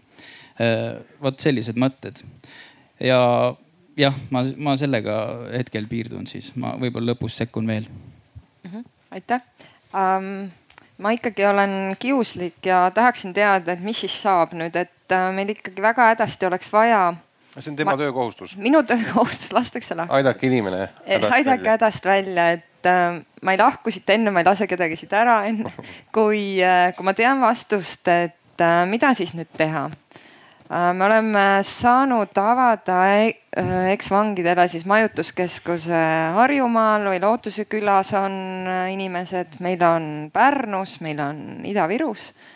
aga meil ei ole Lõuna-Eestis, sellepärast et me oleme Tartus Vahi külas olid inimesed vastu, Valgas olid inimesed vastu. Valgas inimesed veel ütlesid, et noh, et okei okei okay,, me oleme siis nõus, kui te ainult meie enda vangid meile toote, aga me ei taha Tallinna omi. aga, aga öelge igaüks nüüd, et mis siis teha, kas jätame selle sinnapaika või ikkagi ponnistame edasi ja, ja kuidas siis? et kas me peame arvesse võtma seda üsna häälekat äh, hulka kogukonnast kes ütleb, et nad ei taha ja kõik, kes ei ole valmis dialoogiks. Indrek, sinust ja. näiteks alustame. Äh, kaks mõtet sellega seoses tuli mul praegu, et, et esimene see, mis puudutab süstlavahetuspunkti, et kujutage või kujutage, ma kujutasin korraks ette, kui ei oleks Eestis taaravahetuspunkte ja korraga tuleks jutt, et vot nüüd minu äh, maja taga seal Rimis tuleb taaravahetuspunkt et sinna hakkavad tulema nüüd tõenäoliselt inimesed igast, igast äh, ilmakaarest kokku tooma neid pudeleid ja see oleks tõsine probleem, kui see oleks ainult minu maja taga, tähendab, mitte mujal. Ja seesama süstlavahetuspunkt mulle tundus, on nagu mingisugune tohutu suur must torn, hästi räpane, kole, mingisugune asutus, mis hakkab nagu ilmestama ka seda kohalikku arhitektuuri aga kui see on nagu laiali laotatud ja ütleme paljudes kohtades, nii nagu on mingisugune automaat, mis jagab mulle sigarette või, või ütleme siis teisi neid äh, meelemürke, eks ju või mis iganes, eks ju, et ühesõnaga, et kui see on ära jaotatud äh, niimoodi, et ma ei märkagi seda ja, ja seda saab teha üle linna, lihtsalt selline mõte tuli. Mhm. -huh. mis puudutab äh, vangide seda Äh, majutusasutus, siis minu esimene küsimus või mure on tegelikult järelevalve. et kui palju seda kohalikku inimest, kasvõi siis mind, teavitatakse sellest, milline on reaalselt minu oht ja kas see üldse eksisteerib ja mis kujul. kui palju sellekohast ennetustööd tehakse, noh hästi robustselt fantaseerides, kui ma näen, et sellel, kui ma tean, et sellel vangil on näiteks kaasas must kast ja kõik tema teod salvestatakse näiteks sinna pärast mingisugust äh, juhtumit oletame, no ma ei tea, kas selline asi on võimalik Re, reaalselt nad käivad ju nende jalavõrudega ja nii edasi, ma ei tea täpselt, eks ju. aga et noh, et kuskil on mingisugune informatsioon, kasvõi nagu politseinikul on ju kaasas kaamera sisuliselt, mis filmib kõik üles. Ameerikas on see suur trend, sest politseinikud kuritarvitavad oma, oma tööd nii-öelda või teevad, eks ju, seal värki. et, et noh, kõik, kõik need nii-öelda fantaasiad, et kui kaugele neid saaks arendada, katsetada, läbi viia, kas keegi sellega tegeleb et, et noh, see on see suund, mida mina näeksin, kus, kus nii-öelda inimesed muutuksid leebemaks võib-olla mm. -hmm. no ilmselt äh, tundes kogukonda saab üldse läheneda, et no see on samamoodi nagu me ise muutume ainult siis, kui meid mõjutab keegi, kes on meie jaoks autoriteet, ilmselt on ikkagi vaja sellistele väga huvitavatele lahendustele lisaks mõelda ilmselt, et kui nagu niisugused lahendused mis tahes põhjusel ei kõlba, et kuidas me siis saame mingisugusesse kogukonda ennast sokutada, mis võib-olla ei ole nüüd siis kõige Ehm, ma ei tea, sellisem vabameelsem ja, ja valmis äh, endasse sulatama selliseid keerulisi ühiskonnaliikmeid. Äh, et, et kui me seda kogukonda piisavalt hästi tunneme, siis me suudame identifitseerida ka inimesed, kes on, ähm, äh, kes on autoriteediks ja ühtlasi ka võib-olla, et missuguste inimestega minna nende juurde, et rääkida ühest küljest tõesti, et mis, mis siis on need, need võimalikud ohud ja selle kohta tõesti on väga palju uurimusi, mida võib ka välja tuua, inimesed saavad muidugi nüüd alati vaidlustada ja ütelda, et aga meil see ei toimi. jälle kõike seda saaks teha otseses dialoogis ja selleks otseseks dialoogiks peab olema keegi, kes on ähm, usaldusväärne, autoriteetne inimene selle kogukonna jaoks ja selleks peab tundma kogukonda ja ühtlasi ka, eks ole, Raimondil oli hea, hea näide sellest, et eh, need inimesed, kes on ise selle tee läbi käinud ja, ja, ja reformitud, kui me räägime vang, äh, endistest vangidest äh,. Nende nagu suhe selle kogukonnaga tõesti mitte nüüd otseselt, et me teame, kes on need sada narkomaani või, või, või midagi sellist, aga et äh, ikkagi sellele, sellele keskusele inimeste näol pealepanemine nii-öelda, et sul on nagu reaalsed konkreetsed inimesed, kelle oma saatustega, mida rohkem see on nagu inimestele selge, seda rohkem on nad ka tõenäoliselt võim-, valmis ähm,, äh, valmis nagu äh, midagi, millestki nagu vastu tulema või, või oma niisugust protestihimu kuidagi äh, kontrollima äh,.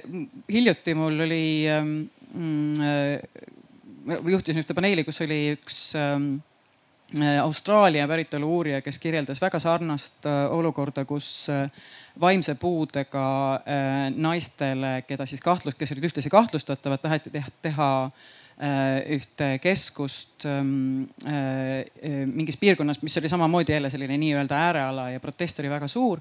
ja sealt tema, see viis, kuidas tema seda analüüsis, oli, oli väga huvitav. ta juhtis tähelepanu sellele, kuidas see kogukond, see viis, kuidas see protest nagu tõstis pead üha rohkem ja rohkem äh, toimus läbi kõigi niisuguste erinevate elementide selles ähm, äh, nende nagu halvemaks kruttimise et äh, mitte siis ei olnud tegemist ähm, vaimselt haigete inimestega, vaid kurjategijatega. mitte polnud tegemist sellise rehabiliteerimiskeskusega, vaid mingi väga kahtlase asutusega, et kogu aeg oli nagu pigem valiti see negatiivne võimalus mingit asja tõlgendada või, või mingist asjast rääkida.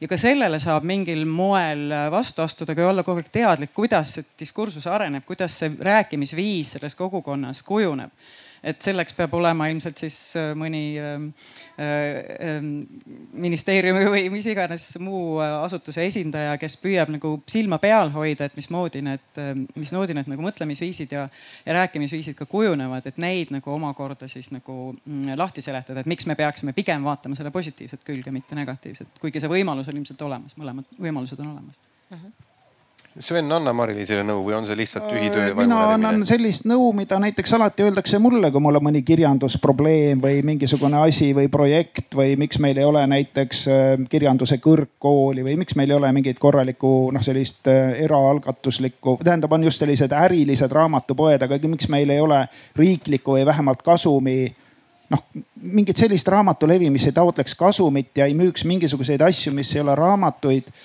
vaid müüb mingisuguseid tooteid ja, ja häbistab sellega nii kirjandust kui, kui raamatuid kui kirjanikke. et eh, mis, mis selle peale mulle tavaliselt öeldakse? raha ei ole raha ei ole, ei ole isegi sellist töötajat, kes peaks sellega tegelema. siin meil istub töötaja, kes on mures, et ta ei saa teha mingit maja kuskile. ma tahan näha siin sellist töötajat, kes ütleb, ma ei saa kirjanike maja teha. sellist töötajat ei ole olemas meil üldse, sellist ministeeriumi minu arust pole ka olemas. see ministeerium tegeleb spordiga et äh, või muude selliste kontsert, kontserttegevusega, nii. aga, aga see selleks, ühesõnaga kusjuures tegelikult nii palju, kui mina kirjanikke tean, vähemalt kaks mu väga head sõpra kirjanikku on surnud narkosurma. mis probleemid on nendel, kes veel on elus, ma ei taha sellest üldse rääkida, see on kohutav, ma arvan, et mingi keskmine vang on nende kõrval veel suhteliselt nagu normaalne inimene. et no keegi võiks ju tegeleda, keegi võiks tegeleda et äh, ma, ma ei tee üldse nalja, ma, see on äh, mingi seitsmekümnendate Briti uuring.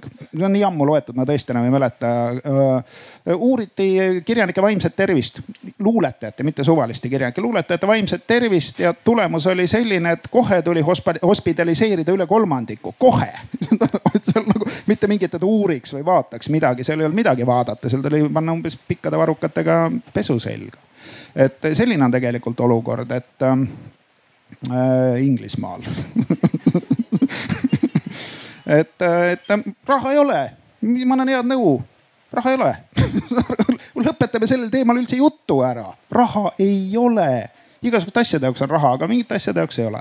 et võib ümber defineerida, mille jaoks on raha ja mille jaoks ei ole, et nüüd tänasest päevast peale on see ja see teema, ütleme eksvangide teema, selline teema, mille jaoks ei ole raha nagu paljud, paljud teemad meil praegu on, mille jaoks ei ole konkreetselt raha ja mitte kunagi seda raha ei tule ka.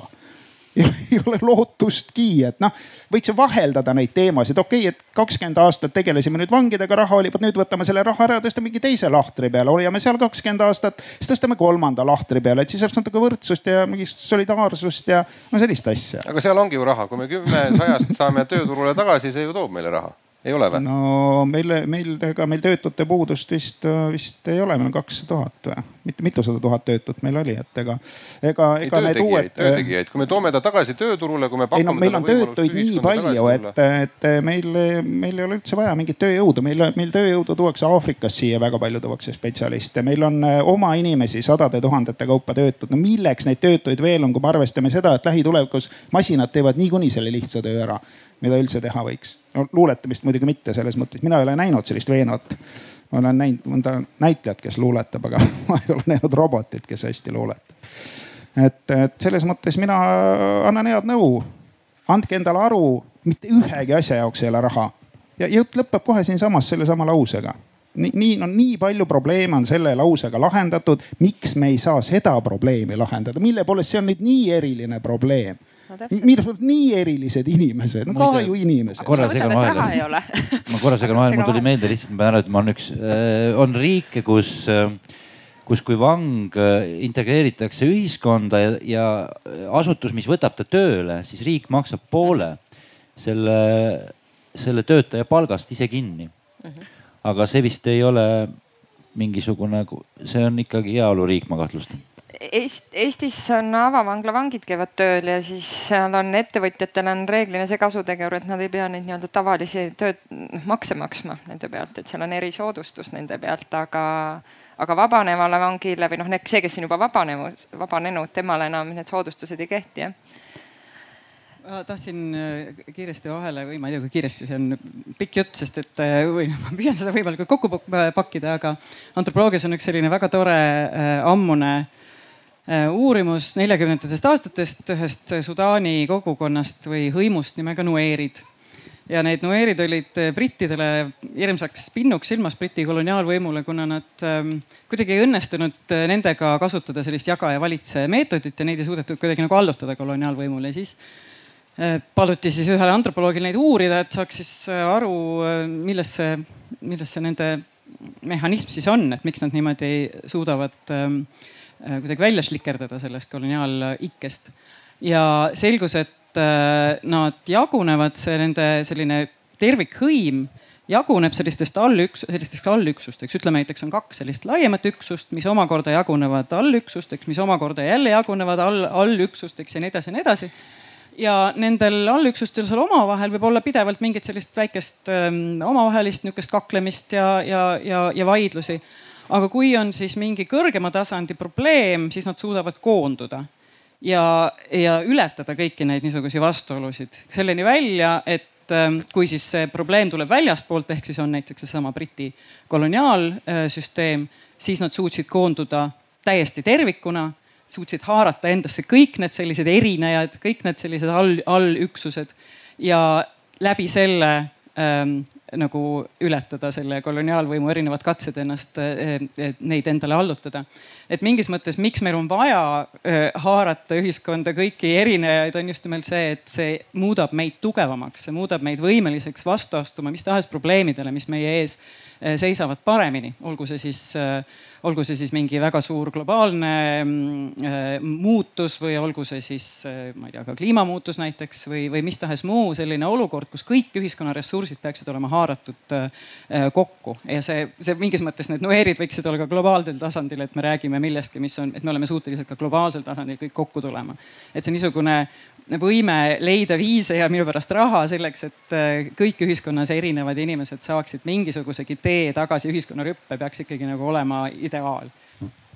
Võib-olla peaks veidi ootama, sellepärast et Ronald Reagan, minu meelest oli see kaheksakümne viienda aasta kõnes, ütles, et kõikide rahvaste ja kõikide inimeste, no need erinevused, need kaovad kohe ära, kui meil algab sõda tulnukatega, sõna-sõnalt, nii ütleski. ootame selle sõja ära ja siis pannakse kõik armeesse tulnukate vastu sõdima, nii vangid kui, no vangid on alati sõjale läinud ju esimesena. et selles mõttes eh, veidi, veidi kannatust, veel veidi kannatust. Raimar, anna Mari-Liisile nõu, kuidas, kuidas seda probleemi lahendada? No mina mõtlen selle peale, et tegelikult eh, eluaegsed kriminaalid, kes on ka, kes võivad elada, kellel on jahid seal kuskil Kreekas, Kreekal ja kes tegelevad suurtes kogustes mingisuguse kokaiini vedamisega või nii edasi, et tegelikult nende inimeste, tegelikult nad ei ole ka õnnelikud inimesed, see võib tunduda nagu väliselt, et neil on teada raha ja hullult kenad naised ja võib-olla mitu naist isegi ja mitu last igal pool ja asjad aga tegelikult nad on seespidi ühed väga katkised inimesed, et sa kujutad seda elu ette, et kui sul on telefon, sa tead, et seda kuulatakse pealt, sa ei saa rahulikult rääkida, siis on sul see kraam kuskil ära peidetud, siis sa higistad kogu aeg, mõtled, et äkki see, kellega koos sa selle maa alla kaevasid, äkki tema on selle üles kaevanud, onju ja, ja see tegelikult ei ole üldse nii lihtne elu, kui see tundub. Ja samamoodi ka narkomaani elu, tead, sul on doos kuskil taskus, sa oled juba, sul on juba see tingimisi oled vabastanud, sa tead, et kui nüüd politsei su kinni võtab, kui ta selle kümme grammi sult kätte saab, sa lähed kohe niuhti neljaks aastaks uuesti vanglasse ja kogu aeg sihuke pidev paranoia, vaatad kogu aeg ümber selja, et kas nüüd tuleb või ei tule. nii et tegelikult eh, narkomaanid ja samamoodi need kriminaalid, nad ei ole tegelikult õnnelikud inimesed. Nad on ise tegelikult selle asja sees ja ise selle asja nagu nii-öelda vangid. Ja minu enda puhul oli niimoodi, et kui ma vanglasse sattusin, siis mul oli niimoodi, jess, lõpuks ometi on see läbi lõpuks ometi ma ei pea enam kellelegi raha viima. lõpuks ometi keegi enam ei taha mult raha saada. lõpuks ometi ma saan lihtsalt rahus olla ja mu see telefon, keegi ei taha mind kätte saada. ma, ma saan lõpuks ometi, politsei sai mu kätte ma olen viis aastat paranoiliselt luuranud akende peal ja vaadanud, et seal on politsei ja seal on politsei. lõpuks ometi see on läbi. ja siis muidugi tekkis seesama olukord, kus oli hea politsei ja halb politseinik. halb karjus, et nüüd sa lähed värdjas neljaks aastaks vanglasse. teine oli, et kuule, räägi ilusti välja, saad poole aastaga välja siis ma ütlesin, et noh, et oma mehi ikka maha ei pane, onju. ma sain ikkagi ruttu välja, mulle anti uus võimalus. aga majutusteenuse võtmes, kui tulla selle juurde tagasi kui ma mõtlen nende inimeste peale, kes siin on kolme-nelja aasta jooksul lootuse külla tulnud, siis ma võin julgelt öelda, et eh, nendest tulijatest kuskil tegelikult viiskümmend protsenti nendest, kes on tulnud, kui ma vaatan, nende elu on täna täiesti teine.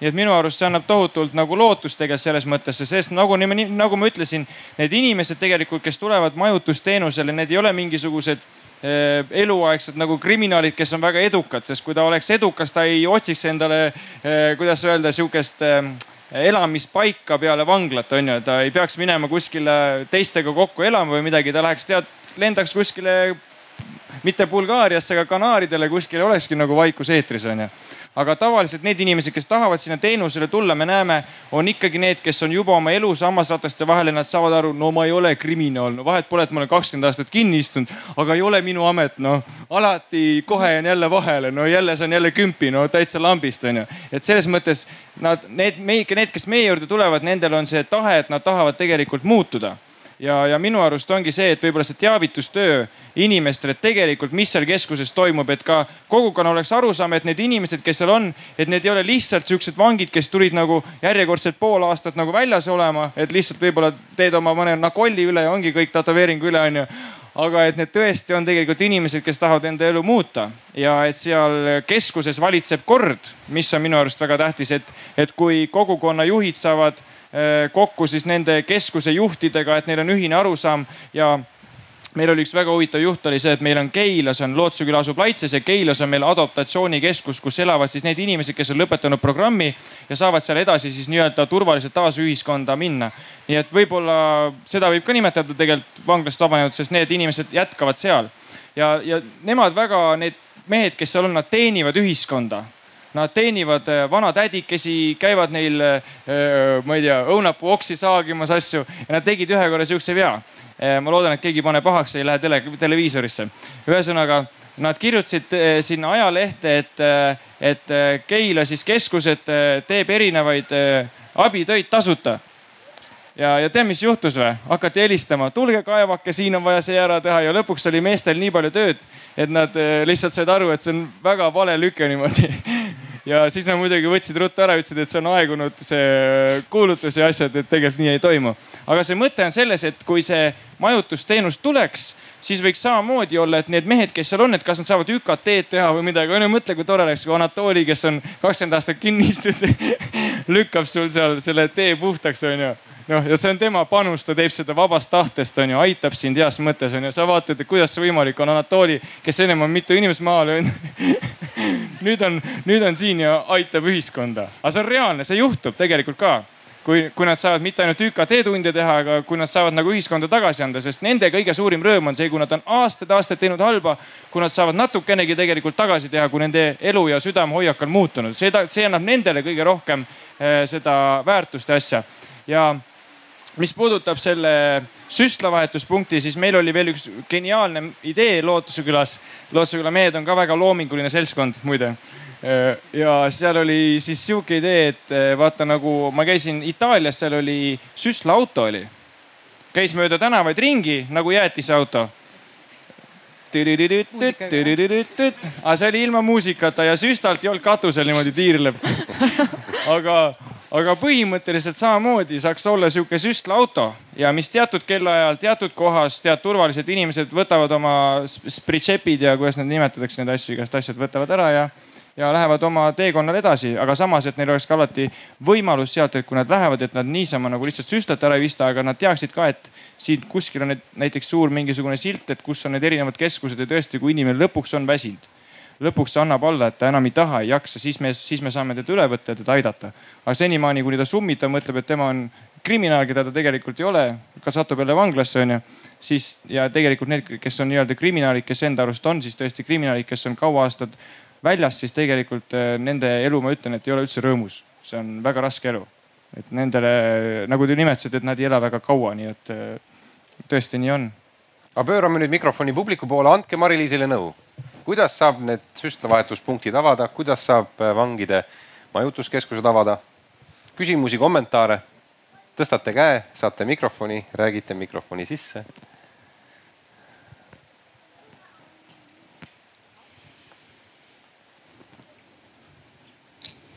nii, mulle lihtsalt tundub, et see võib küll naiivselt kõlada, aga ikkagi see, et kuna selle taga, miks inimesed neid asju ei taha või ei julge, on just see teadmatus ja, ja suur hirm, et siis ega seal ei olegi muud, kui lihtsalt lõputult rääkida ja selgitada ja ja täpselt sellised näited nagu ma ei tea, siin täna on kuulda, et selles mõttes, et äh, me oleme täpselt nii tugev ühiskond, kui on meie kõige nõrgem lüli, jälle täielik klišee, aga täpselt nii on et selles mõttes see ei ole nagu kellegi teise mure või see ei ole ainult selles mõttes, mina olengi riik, see on minu mure täpselt samamoodi. et ma ei vaata ainult peaministri või teiste ministrite otsa, et äh, täpselt samamoodi iseenda otsa. jah.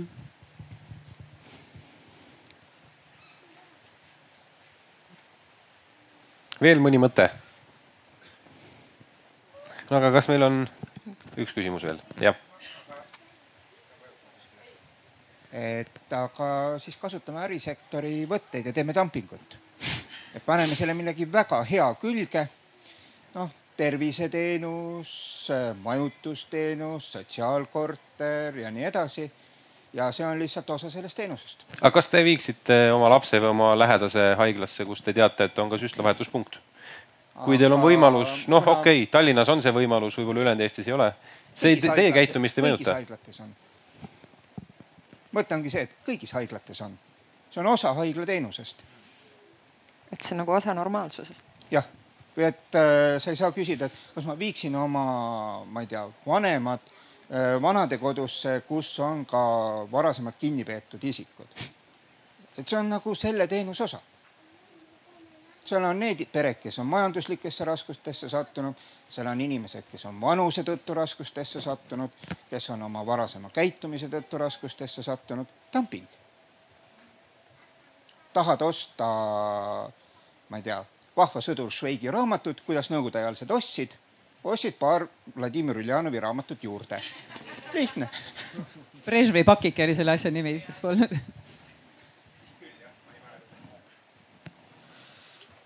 aga kas meil nüüd on võimalus piiluda publiku hinge? Jah. kas, kas lõime numbrid kokku? enne veel ah,. üks küsimus tuli veel. räägime. ma tahtsin eeskätt tegelikult takka kiita eelmisele kõnelejale ja, ja panna kokku siit lavalt kõlanud selle taarapunkti mõttega. et noh, täpselt nii ongi, et ega taarapunktid ka päris paljud ongi no, natuke siuksed haisvad ja rõvedad kohad, et ma ei tea, Tartus on näiteks Prisma on ainus, kes suudab seda puhta hoida ja haise ka, et et ja noh, ongi natuke ebameeldiv, aga sa tead, et igas poes on see olemas ja ega sa ei jäta sellepärast poodi minemata noh. ja, ja kui igas haiglas oleks ka see või nagu siin kõrvalt küsimus, et kas te viiksite oma lapsed sinna haiglasse, kus on see punkt, et noh, sa kas A, ka siis ei teagi, et see seal on või sa ei mõtle selle peale, noh, sest seal on kõik asjad seal on, et seal on ka veel igast koledaid asju. nakkushaiged käivad seal ja igasugused noh, et nagu normaalsus ma lihtsalt tahaks kommentaariks öelda, et miks ma ei käi oma kodumarketis toitu ostmas, sellepärast et seal on selline taaraautomaat, kus ma ei tea, kuidagi ajalooliselt käivad need ähm, taarakorjajad ja kui sa seisad ikkagi seal toidujärjekorras kahe noh, ikka nii rämedalt kuse järgi haisva tüübi vahel, et sul läheb süda pahaks. ja, ja see, see ei ole ükskord elus see on seal nagu metoodiliselt. et see, see on probleem. Noh, minu jaoks on, ma ei tea, võib-olla teistele kõigile sobib seal, aga ma ei, ma ei käi selles poes. ma toon eemalt, arbuusi tassin ka, ma ei tea, väga kaugelt kohale. Aserbaidžaanist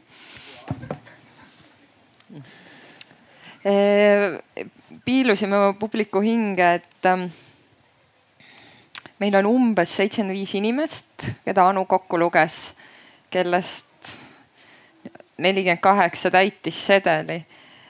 Ja ma loen ette lihtsalt, mida keegi vastas või kui palju on neid, kes, kes on öelnud, et nad on kedagi löönud.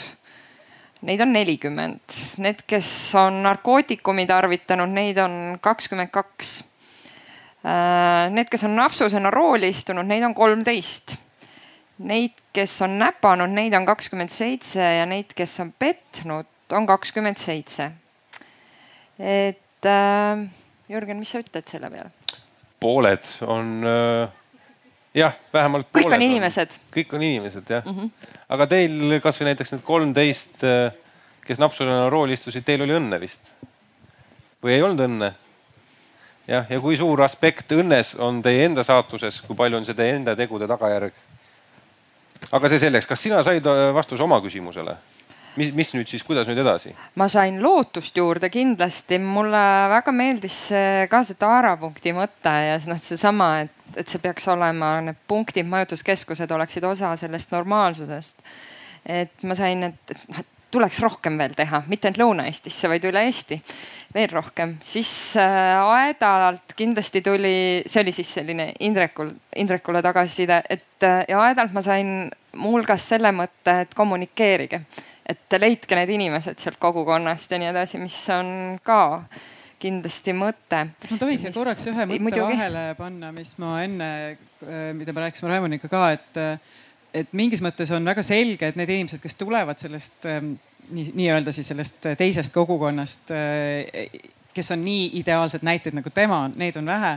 Äh, ja me ei saa oodata nendelt inimestelt, kes on nii raske tee läbi käinud, et nende hulgas oleks nii imelisi äh, positiivseid näiteid, et selles mõttes selle üle tuleb nagu väga mõtelda, et kuidas nende hulgast leida neid, kes on positiivsed näited mm.. et see ei pruugi olla nii tavaline ja me ei saa seda neilt oodata, et nad on niigi juba tegelikult ju kannatajad mitmes mõttes. just äh,. siis äh, kivisildnikult ma sain muuhulgas ka selle mõtte, et, et võib-olla järgmiseks nii-öelda südameasjaks ma võtan kirjanikud. sellepärast, et mulle tundub, et kirjanike elu on väga raske ja. Nendel, kes on veel elus, on raske.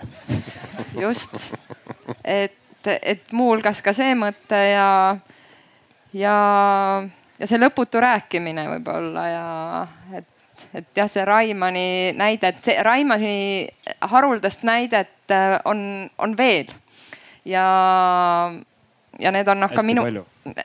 ma hästi palju ei tea, mina tean üksikuid, aga need on minu jaoks ka suured imed, aga mis annavad siiski ka kinnitust ja ise olles kinnipeetavatega või sõltlastega suhelnud, siis tegelikult meie või minu keskmine ettekujutus, ühiskonna keskmine ettekujutus äh, äh, ei vasta sellele, milline on keskmine vang, et äh, nad on inimesed nagu meie. nii. et arvamus on vastu võetud, kuulda võetud. Arvamused, mis meil siin laval ja publikust läbi käisid, et need jõuavad noh, nii lähedale te seadusele saategi jõuda, kui üks ametnik on. vaatame, mis sellest saab, et aitäh teile selle eest. aitäh, Indrek, aitäh, Aet, aitäh, Sven, Raimann, Mari-Liis, aitäh. sulle ka, Jürgen. meil on kõige viimase punktina äh, kirja pandud, et kõik kallistavad. aga, aga enne veel, kui kõik kallistavad, võtab Kaarel äh, tänuväärselt siis kokku ja tõmbab joone alla. see okei. Karl kallistab kõiki. Kõigile ei meeldi kallistamine, mulle meeldib, mind, mind võib kallistada. Mm, mul ikka see kivisild ning tugiisikuks on see, mis ma võtan nagu kaasa enda jaoks siit. et äh, ma arvan, et päris paljud paadunud pätid äh, lihtsalt tema meetoditega õpiksid äh, rääkima oma lugu niimoodi, et see võiks neid kuidagi nagu tervendada. Ma täitsa usun sellesse, et võta seda tõsiselt, armas vend. sul on ligipääs. nii, viimane sõna. väga ohtlik, et see minu käes on. vabandage mu lihtsameelsust, aga ma usun, et mul on lahendus. ma usun, et ei tohi inimestelt võtta muusikat ja maasikamoosi. ja muidugi luuletajaid. proovin ära põhjendada põhjendustes piirdun muusika ja moosiga, luuletaja räägib niigi enda eest. Oli üks viiulimängija, kes ei osanud ropendada nagu teised mehed tema linnas. paari sellist kohtas ta ühel hilisõhtul. Nad nõudsid viiulimängijalt raha. ja tema muidugi andis raha ära. mehed nõudsid ka viiulit. viiulit ma anda ei saa, ütles viiulimängija. aga äkki mängid meile, nõudsid mehed. ilmselt oli neil hea tuju mängi midagi lihtsat, rahvalikku. Ei, midagi sellist ma ei mängi, mängin ainult klassikat. aga me ei saa aru sellest. kõik saavad sellest aru, ütles viiulimängija. kas te luike olete näinud? narrid meid või, küsisid mehed. ei narri, pange silmad kinni ja kujutage ette.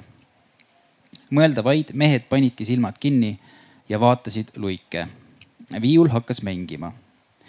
mängis mitu minutit kaks kurjakuulutavat meest, üks muusik, pimedus, luik muudkui ujus. koreograafia missugune. korraga üks meestest katkestas. siin tuleb pehmemalt mängida. siin tuleb mängida pehmemalt, ütles mees, kelle tavaline kõne moodustub suuremalt jaolt ropustest. ta hakkas millestki aru saama. viiul mängis veel palju ja pikalt kuni ühe päti habemesse nirises väga väikene, aga päris pisar. nii nutavad inimesed, kes on jääaja üle elanud, ütleks siinkohal kirjanik. viiulimängija sai raha tagasi. ta saadeti koju südamlike roppuste saatel, sest nad ei osanud muul viisil oma tänu väljendada. kõik inimesed on loomult head, usub viiulimängija. kui nad on halvad, siis seepärast, et nad ei tunne iseennast keegi peab tegema muusikat, et see tuleks meelde. kui me näeme oma õues ära eksinud inimest, siis see on lihtsalt väga halb koreograafia. aga me ei tohi võtta ära muusikat. meil on vastutus viisi pidada. meie väikeses linnas oli väike puust kirik, mille hoovis mängisime poistega palli. mängisime lärmakalt, kuni klaasi puruks lõime.